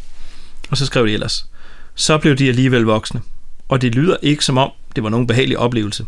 Pladen er tungsindig i en grad, så man fristes til at tro, at de nu også går sortklædte indvendigt. Men de giver albuerum til Hans Erik Lærkenfelds rødglødende guitarspil, ligesom musikkens nye tyngde synes at bekomme Svend Gavls trommespil vel, mens Georg Olsens bas endnu en gang viser sig som gruppens egentlige rytmiske drivkraft. De mest vellykkede sange er for så vidt de mest ubehagelige og selvudleverende, dem hvor Steffen Brandt ikke undervejs falder tilbage til hyggelig lørdag aften ironi, nemlig Mean Blues, Tumpernes Park og Kold som Kiks. Og netop Kold som Kiks er pladens næste nummer. Den forrygende guitarintro bliver spillet af Christian Sivert, og ham ved jeg, at du ved en masse om, Michael. Altså en masse og en masse. Jeg har googlet. øh, men, men, og der fandt jeg ud af, at han er en dansk guitarist, per, per, percussionist, sanger og komponist.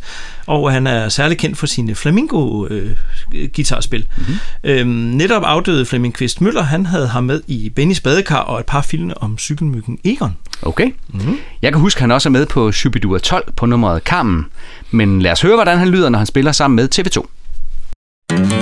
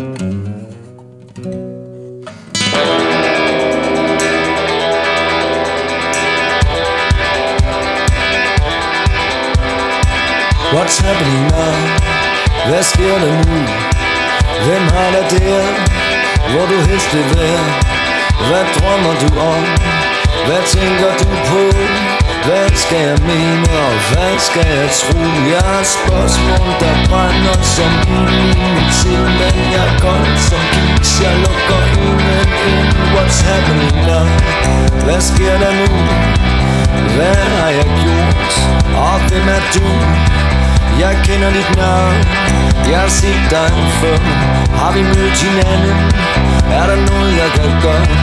Jeg har spørgsmål der brænder som ild i mit sind Men jeg er kold som kiks. Jeg lukker ingen ind. Giv mig lige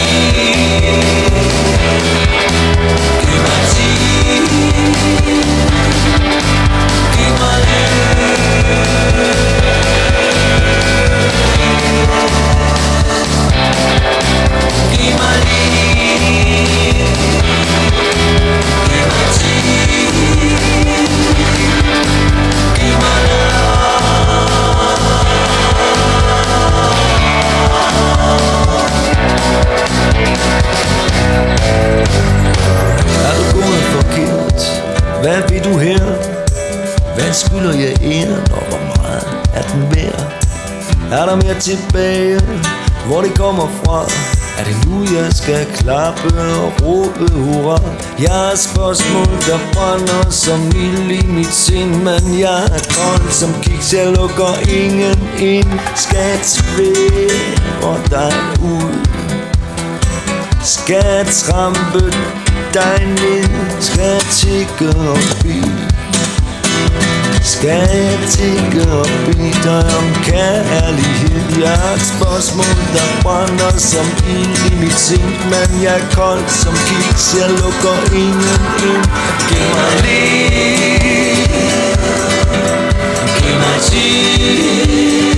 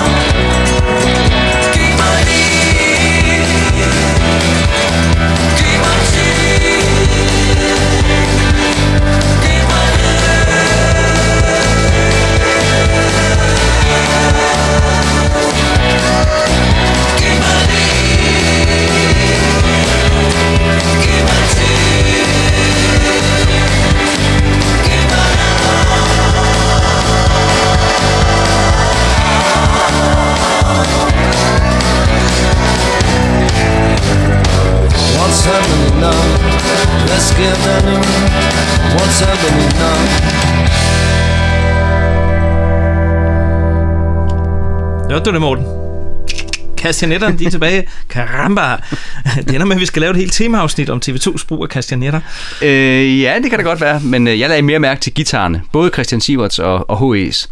Det lyder altså helt fantastisk. Det er du ret i. Øhm, Jeg bliver faktisk næsten helt forskrækket over, når trommerne de sætter ind for alvor i omkødet. Ja, der, der er pludselig gang i den der.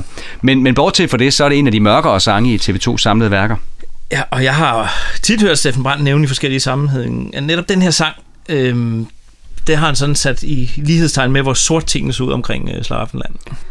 Ja, men altså, når man sådan lige tæller efter, så er der også mange titler på den her plade, der, der har noget negativt lavet over sig. Altså, nu nævner jeg lige flæng, der er shit, og aldrig giv mig chancen igen, øh, Mean Blues. Ja, så synes jeg heller ikke titler som øh, Kold som Kiks eller Tumpernes Park, det lyder særlig opløftende. Nej. Eller, og ja, så trumfer de så lige af med kedelige historie. ja, det er rigtigt. Men som vi også tidligere har været inde på, så er der masser af sjove og, og muntre sange på pladen også. Øhm, Steffen Brandt har selv sagt om øh, Kold som Kiks, at nummeret var et forsøg på at fange en lille smule af El Duende. Det er det spanske ord for det øjeblik, hvor alt er perfekt. Hvor man, hvis man ikke har det nu, så får man det faktisk aldrig. Øhm, det kan selvfølgelig godt være, at folk bare tænker, sikkert yndig guitarspil. ja, ups, der er jeg altså nok lidt skyldig.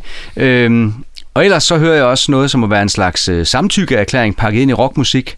Giv mig liv, giv mig tid, giv mig lyst, og så giv mig lov.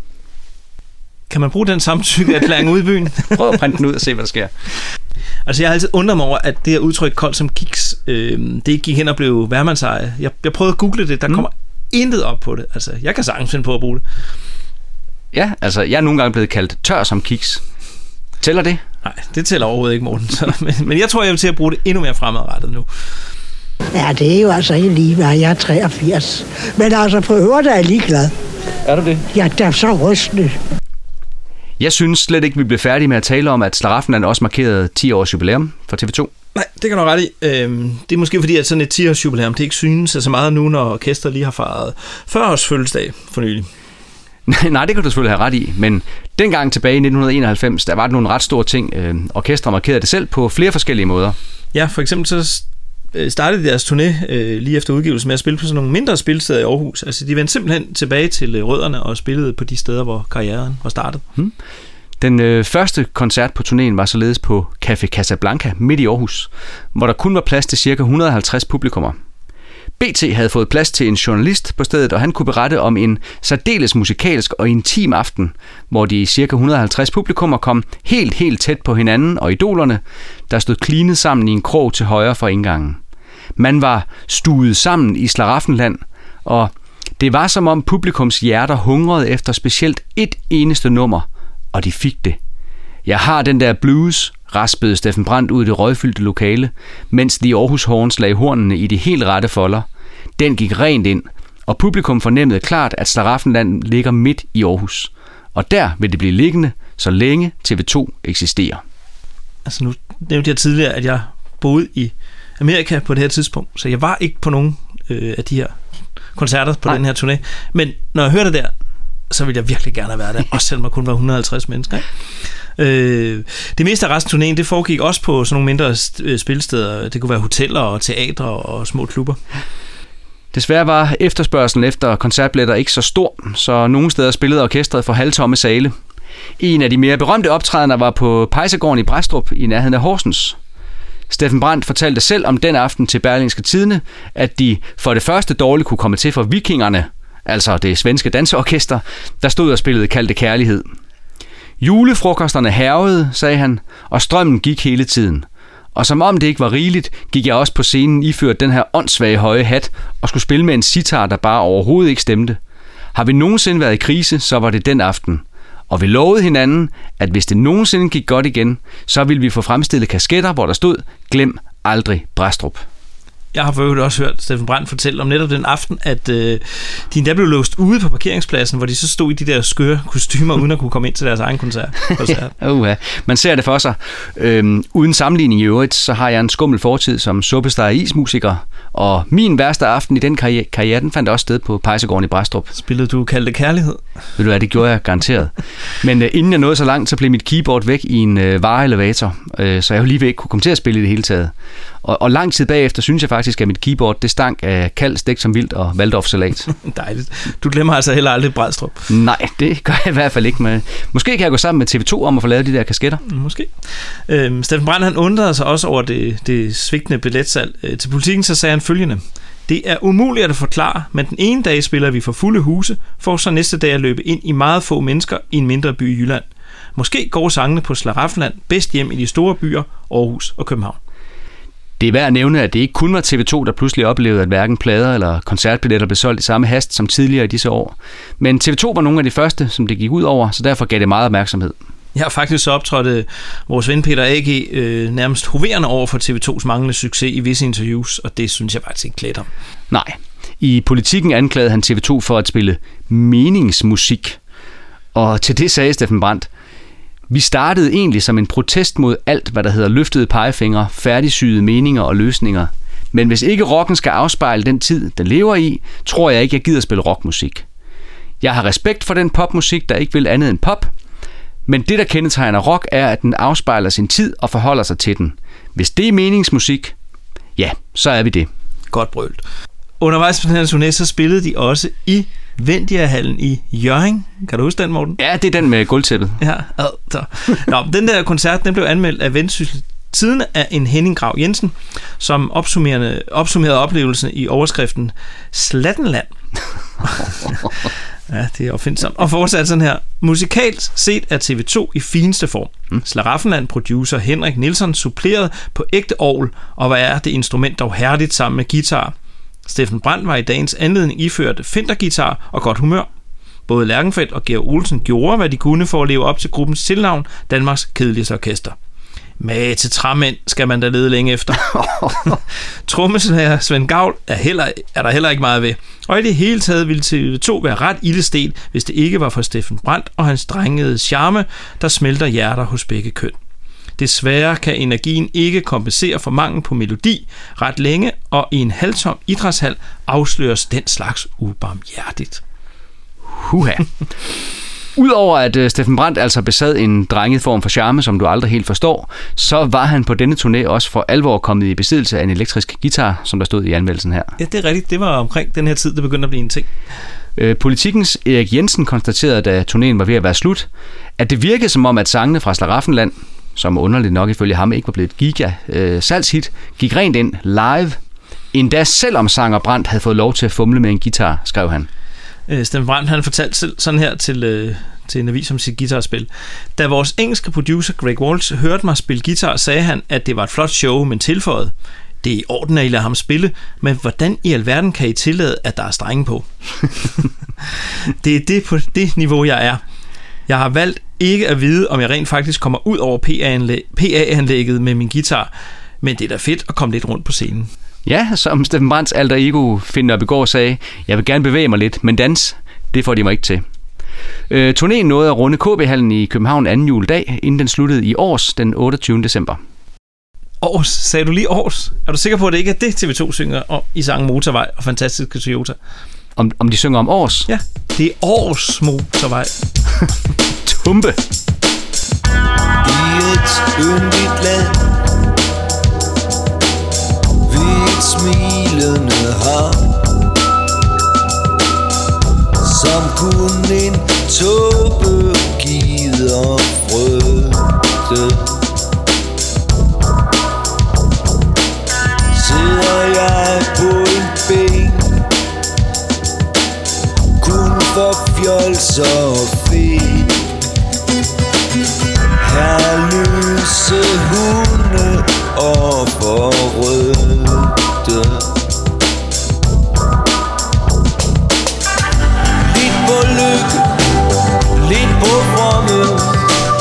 Ser jeg livet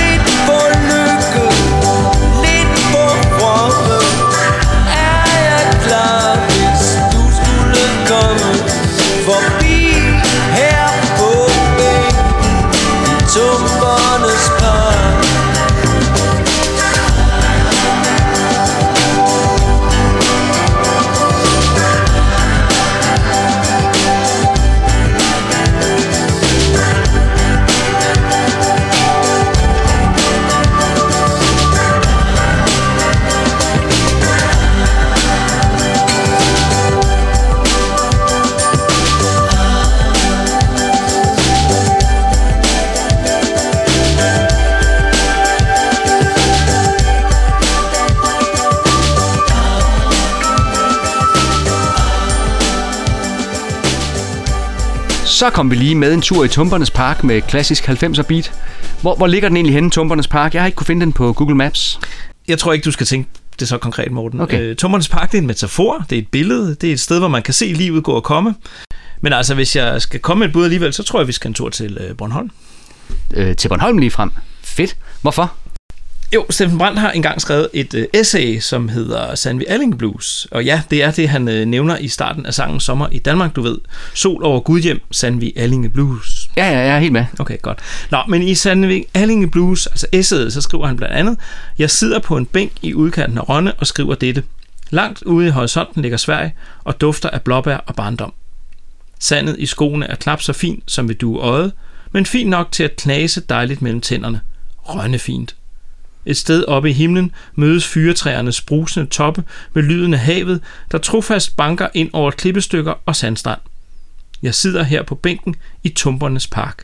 Ingrids bænk, kalder de lokale den. Men det er min.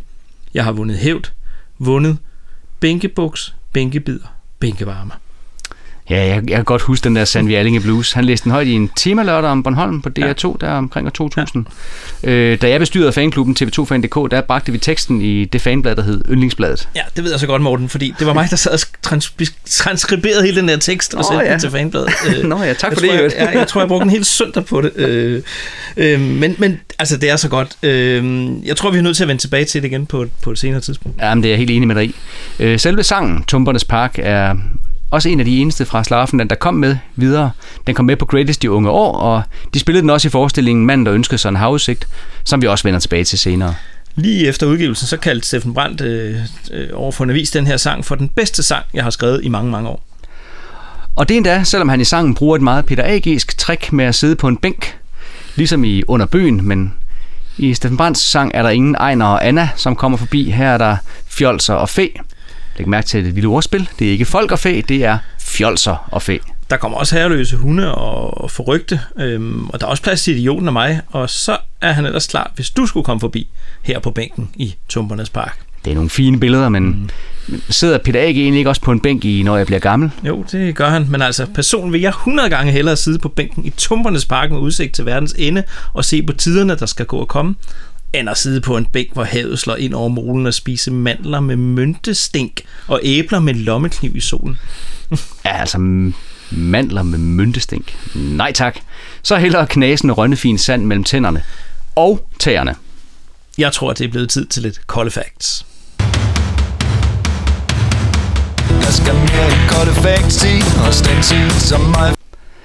Slaraffenland udkom den 31. oktober 1991. Og endnu en gang så hed pladeselskabet Pladekompaniet. Der er kun 10 sange på pladen, og den er bare solgt i 57.000 eksemplarer.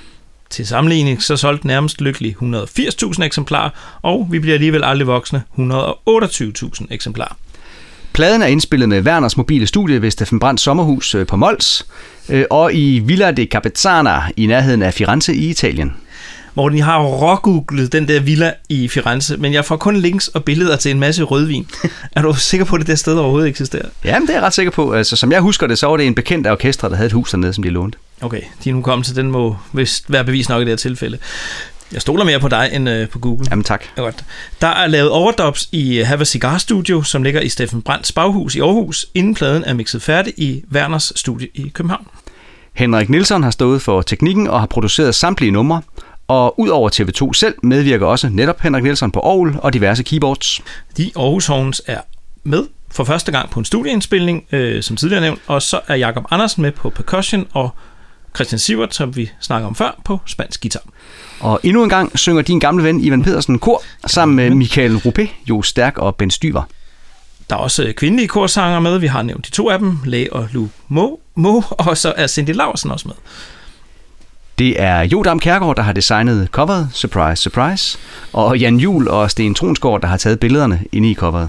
Kan vi lige dvæle lidt ved det der cover?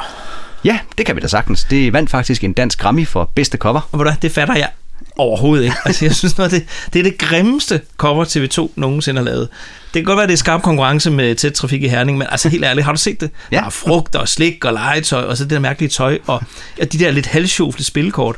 Og hvad, hvad sker der med den der høne og grisen? Og så står det der læderjakke og ikke mere op, op jakke. Nej, jeg, jeg, kan slet ikke. Jeg kan ikke den. okay, du, du er helt køre. Det er godt, du ikke var med til deres øh, release party på Café Paradis i Aarhus. Her havde de simpelthen genskabt coveret med store fade med frugt og slik og så videre. Så var der også griser og høns, eller hvad der løb rundt? Nej, der, det tror jeg dog ikke, der var. Men Hambros nilfisklamper var der, så støvsugeren fra coveret var i hvert fald repræsenteret.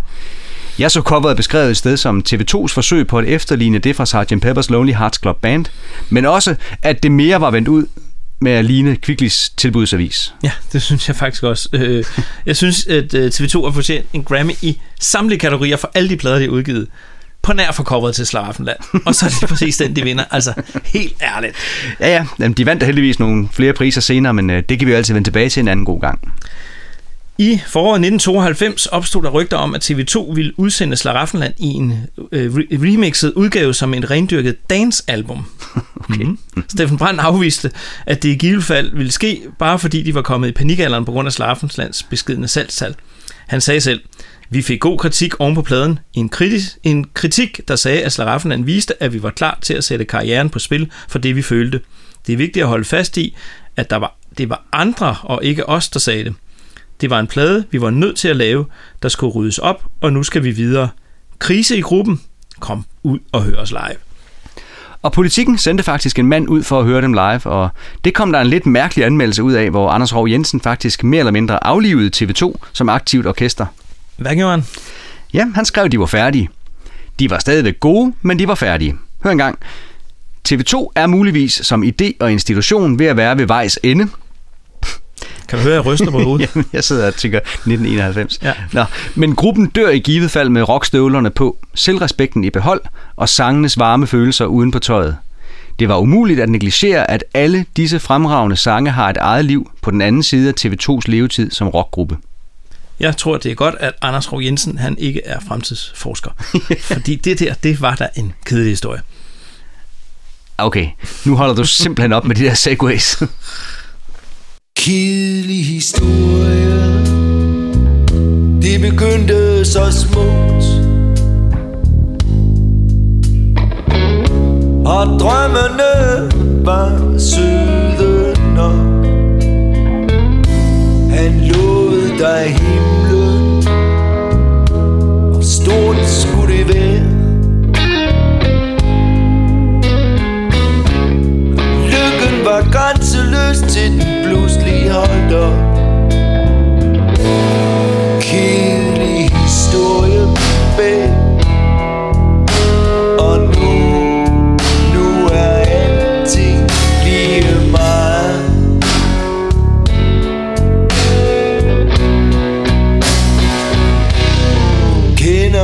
typen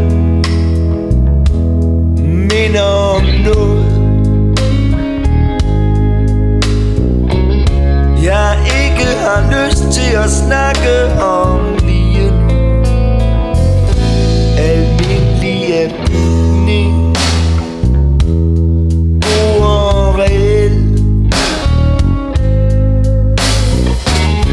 Han vil sikkert selv sige, at han gjorde, hvad han kunne Kedelig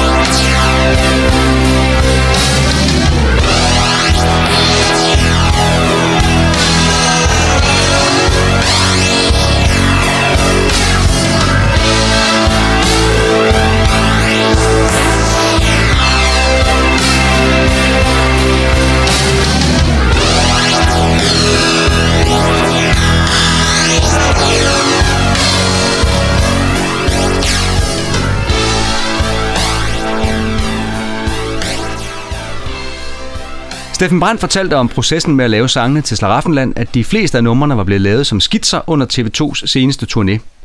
Der blev gitaren og en lille forstærker fundet frem på hotelværelserne efter koncerterne, sagde han, øh, til ikke særlig stor begejstring for hotelværterne. Og med lige præcis sådan et nummer som Kedelig Historie, der kan jeg sagtens se for mig, at de sidder på et hotelværelse et sted i provinsen og, og jammer den her blues frem. Det er også en fed sang. Den passer perfekt til sådan en kedelig søndag, hvor, hvor Brøndby lige har tabt. Der er ikke så mange af dem, men, øh, men, men på de der dage, så har jeg ikke lyst til at danse, men jeg har bare lyst til at synge sådan en blues-agtig, blues sang om, øh, at nu er alting lige meget. Ja, jeg, jeg kender godt typen.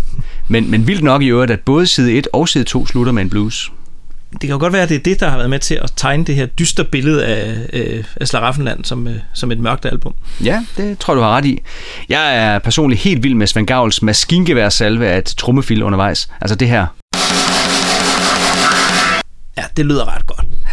Og så elsker jeg de her linjer. At svigte er svært, det kan knække en mand. Han rejser sig heldigvis hurtigt igen.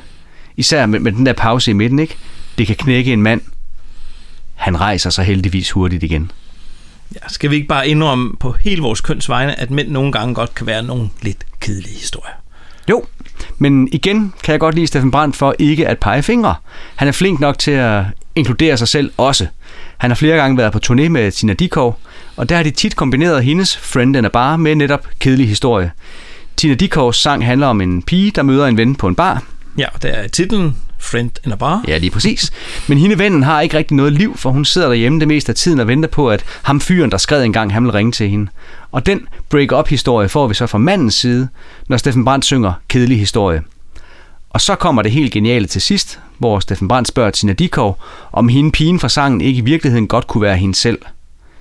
Det indrømmer hun så, og spørger Steffen Brandt, om ikke ham der er fyren fra den kedelige historie også godt kunne være ham. Og det kunne det jo, indrømmer han. Morten, kender du øh, forfatteren og dramatikeren Anton Chekhov? Hmm, gør du? Altså det gør jeg i hvert fald nu, for det viser sig, at han faktisk har skrevet en roman, der også hedder En kedelig historie. Uh, fornemt. Så endnu en litterær russisk reference. Ja. Men der, der var også en anmelder, der i forbindelse med, at vi bliver lidt aldrig voksne, påstod, at Steffen Brandt var ved at blive en anelse litterær, var der ikke? Jo, det kan jeg godt huske, øh, og jeg tror også, han havde ret. Øhm, for os stakler, der i 1991 kun havde adgang til øh, kassettebåndsudgaven af Slaraffenland, jamen øhm, så var historien slut nu. Men for dem, der havde købt pladen på CD, der skete det her.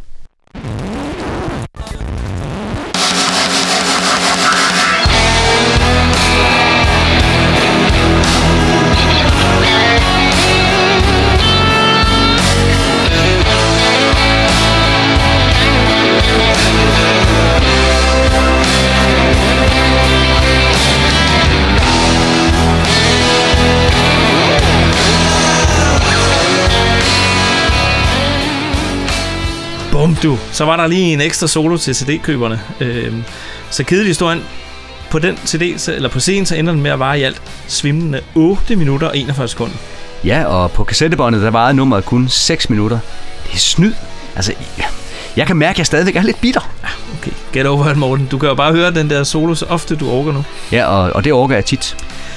Øh, men det er jo ikke kun øh, kedelige historier, der bliver ved og ved. Det gør TV2 heldigvis også. Øh, Steffen Brandt han sagde i forbindelse med udgivelsen af pladen, at så længe man synes, at man havde noget at sige med sine tekster og sin musik, så skulle man blive ved. Og så tilføjede han, jeg tror, at der stadig er nogen, der gerne vil bevæges lidt, når de hører en sang. Det er vores publikum. Denne gang får de mindre rytmeboks og faglade og mere ren rock.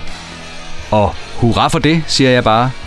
Og selvom de i anførselstegn kun havde været sammen i 10 år på det her tidspunkt, blev de alligevel spurgt om, hvordan i alverden de havde kunnet holde sammen i så lang tid. Og Stiftstiden, de havde spurgt øh, orkestrets gode ven, Paul Martin øh, Bunde, som også er interviewer i den her øh, dokumentar, vi snakkede om tidligere, hvordan det kunne lade sig gøre, og han sagde sådan her. Svend Gavl er forretningsføreren, der klarer alt med økonomi. H.E. Lærkenfeldt er solisten, der i sit hjemmestudie raffinerer sit spil. Geo Olsen er musikeren, der helst spiller så meget som muligt, også med alle mulige andre orkester, og Steffen Brandt er idémanden, der leverer råskitserne til den musik, der først bliver til TV2, når de andre er med. Steffen Brandt sagde selv, vi har fået lov til at beholde hver vores særkende. Vi tænker forskelligt, har forskellig baggrund og har hver vores vennekreds. Når vi ikke er sammen på turné, til møder eller i studiet, så ses vi ikke ret meget. Hans Erik Lærkenfeldt, han supplerede, og det er jo ret, han også siger noget en gang imellem. Vi er et band. Steffen kommer med samtlige tekster og oplæg, men på et tidspunkt bliver det til et teamryk. Han har utrolig meget respekt for andre mennesker. Vi andre i gruppen kan mærke, at vi nyder hans respekt. Det gør, at man ikke er bange for at give ham snor, hvad der måske udadtil kan tolkes som en diktatorrolle.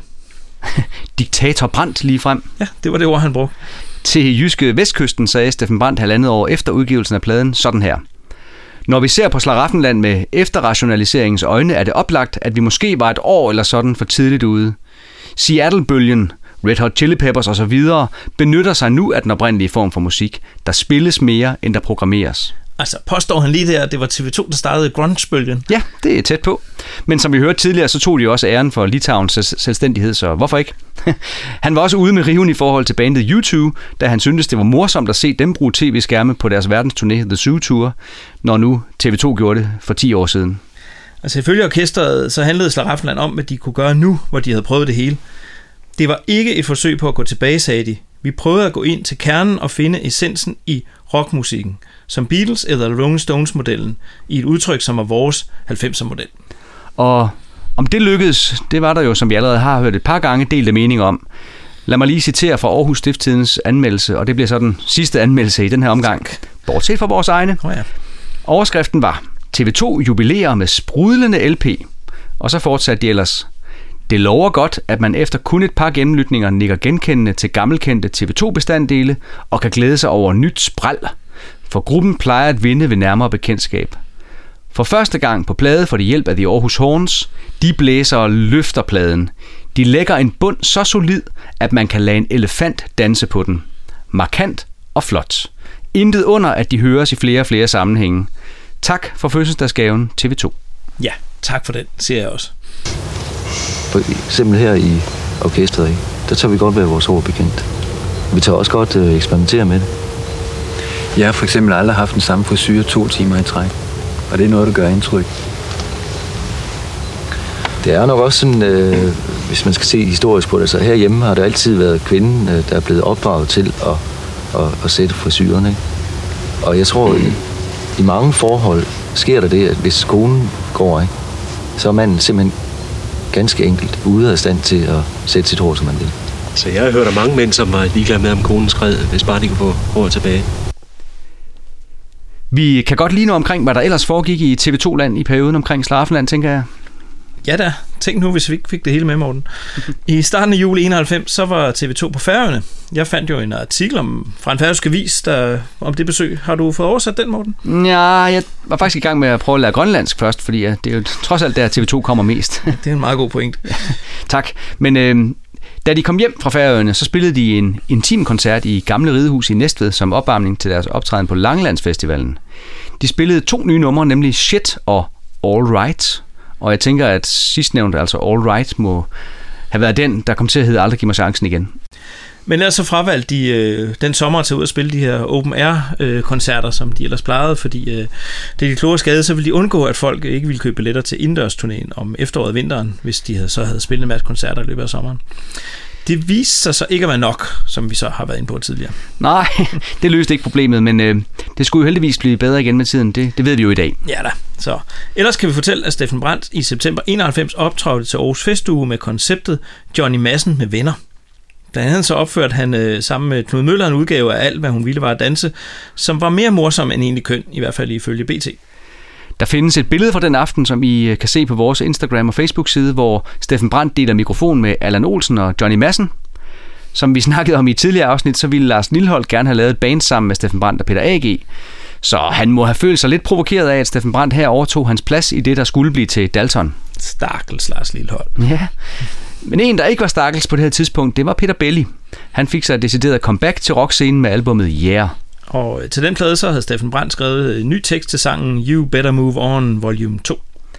Han lavede også en oversættelse af John Hyatts Have a Little Faith in Me, som på Steffen Brandsk kom til at hedde Ha' lidt tro på mig.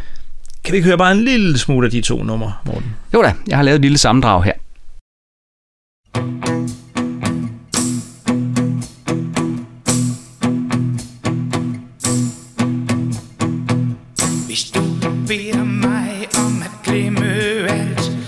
jeg troede på. Og hvis du synes, vi har noget alt,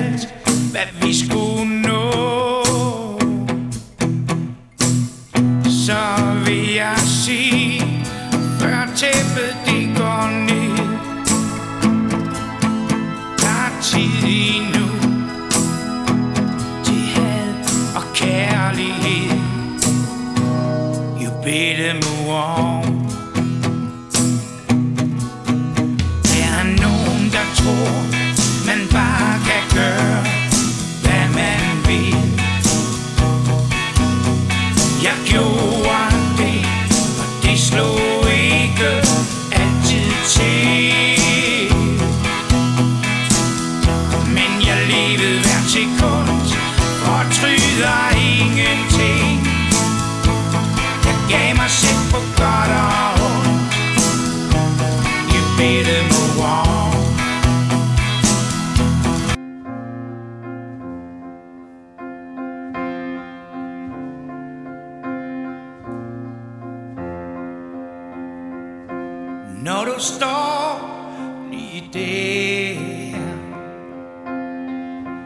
Hvor du ikke kan finde vej?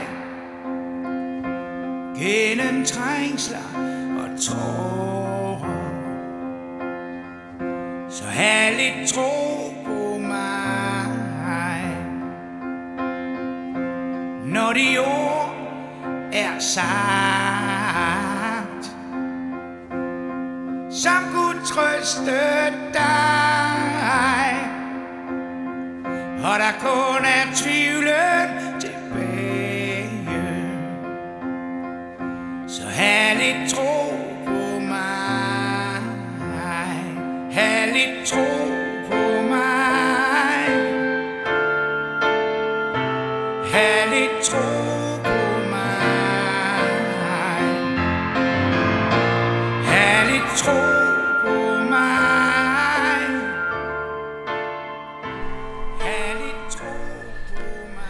Så tror jeg faktisk ikke, vi mangler ret meget andet end vores egen anmeldelser. Gør vi? Nej, vi er vel ved at have været rundt om det meste, tror jeg. Ellers øh, må I, der lytter med, jo endelig skrive til os. Det kan I gøre via Instagram eller Facebook, eller sende os en mail på vi taler kun om tv2, gmail.com. Øh, fordi næste gang, så laver vi et opsamlingsafsnit, hvor vi vil prøve at få de ting med, som vi har glemt eller ikke haft plads til i de foregående afsnit. Vi har allerede en del guf liggende, som I roligt kan glæde jer til derude, men i første omgang, så glæder jeg mig til at høre din anmeldelse, Michael.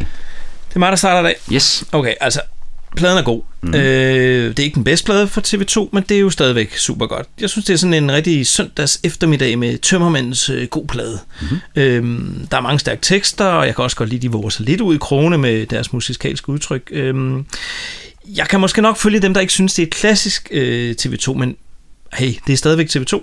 Jeg giver fire fuldfede stjerner, og så sagde du sidste gang, at jeg ikke må dele stjernerne op øh, i, i forskellige ting, men, men coveret, altså uha, uha, de får ikke kun en enkelt stjerne med på vejen. Ja, det, nu skal vi stoppe inden du bliver helt ophidset igen over det der Ja, ja, okay. kommer der. Ja, ja, jeg ved det godt. Så hvad synes du om pladen, Morten? Ja, altså, jeg synes, jeg har et lidt øh, mærkeligt forhold til pladen. Som nævnt mange gange før, så udkom den, mens jeg gik på efterskole, og, og der følte jeg lidt, at jeg var på en mission, der handlede om at sprede det glade budskab om, hvor fantastisk TV2 var. Og derfor brugte jeg nok også ret meget krudt på at overbevise andre, og mig selv, om Slaraffenlands fortræffeligheder. Og derfor tror jeg måske, og det er et stort og rungende måske, at jeg gennem årene har talt det lidt for meget op. Nu var jeg lidt ude efter Svends trommelyd på Vi bliver alligevel aldrig voksne, og der må jeg sige, at jeg kan bedre lide den trommelyd her på Slaraffenland. Jeg kan også godt lide, at der er blevet plads til noget rock og noget blues, og der er også masser af humor, hvilket også er et stort plus i min bog. Alligevel er det som om, jeg mangler et eller andet. Måske synes jeg ikke, at pladens højdepunkter er høje nok, hvis du forstår, hvad jeg mener. Jeg kan ikke præcis sætte en finger på, hvad der er galt, og måske er jeg endda blevet farvet af Steffen Brands egne negative ord om albummet i de efterfølgende år. Altså, det var mange ord, og jeg kan, jeg kan jo se på dig, at du har svært ved det den her gang. Øh, men hvad siger du? Altså, hvor mange stjerner skal det have? Ja, men det er svært altså. Kom nu. Okay, jeg siger, jeg siger fire stjerner. Men hvis du spørger mig i morgen, så siger jeg måske tre eller, eller fem. Men, men jo, fire stjerner, det, det er der, jeg lander. Jeg spørger dig kun i dag, så, så det var en hård fødsel, den der, Morten. Ja. Øhm, det kan være, at jeg så er nødt til at tælle ned til vores uge i dag. Ja, det, det tror jeg vil være en god idé. 1, 2, 3. Uk. På klippet fra Carnegie Hall ser man jo tydeligt, hvorledes TV2 er de første til at indføre dans i deres optræden. Noget, der jo senere hen bliver utrolig populært i rockbranchen. Og Svend Gavl, det er jo ligesom dig, der bliver synonym med kombinationen af rock og dans. Du bliver en utrolig efterspurgt koreograf i de kommende år, og arbejder blandt andet med at lave videokoreografi til stjerner som Michael Jackson, Paula Abdul, Janet Jackson og sågar Wiener. Øh, schnitzel. Det hedder Wiener Schnitzel.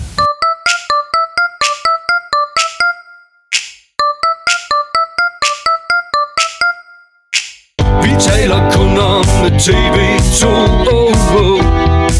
Ba, ba, da, ba, da, ba. De er gode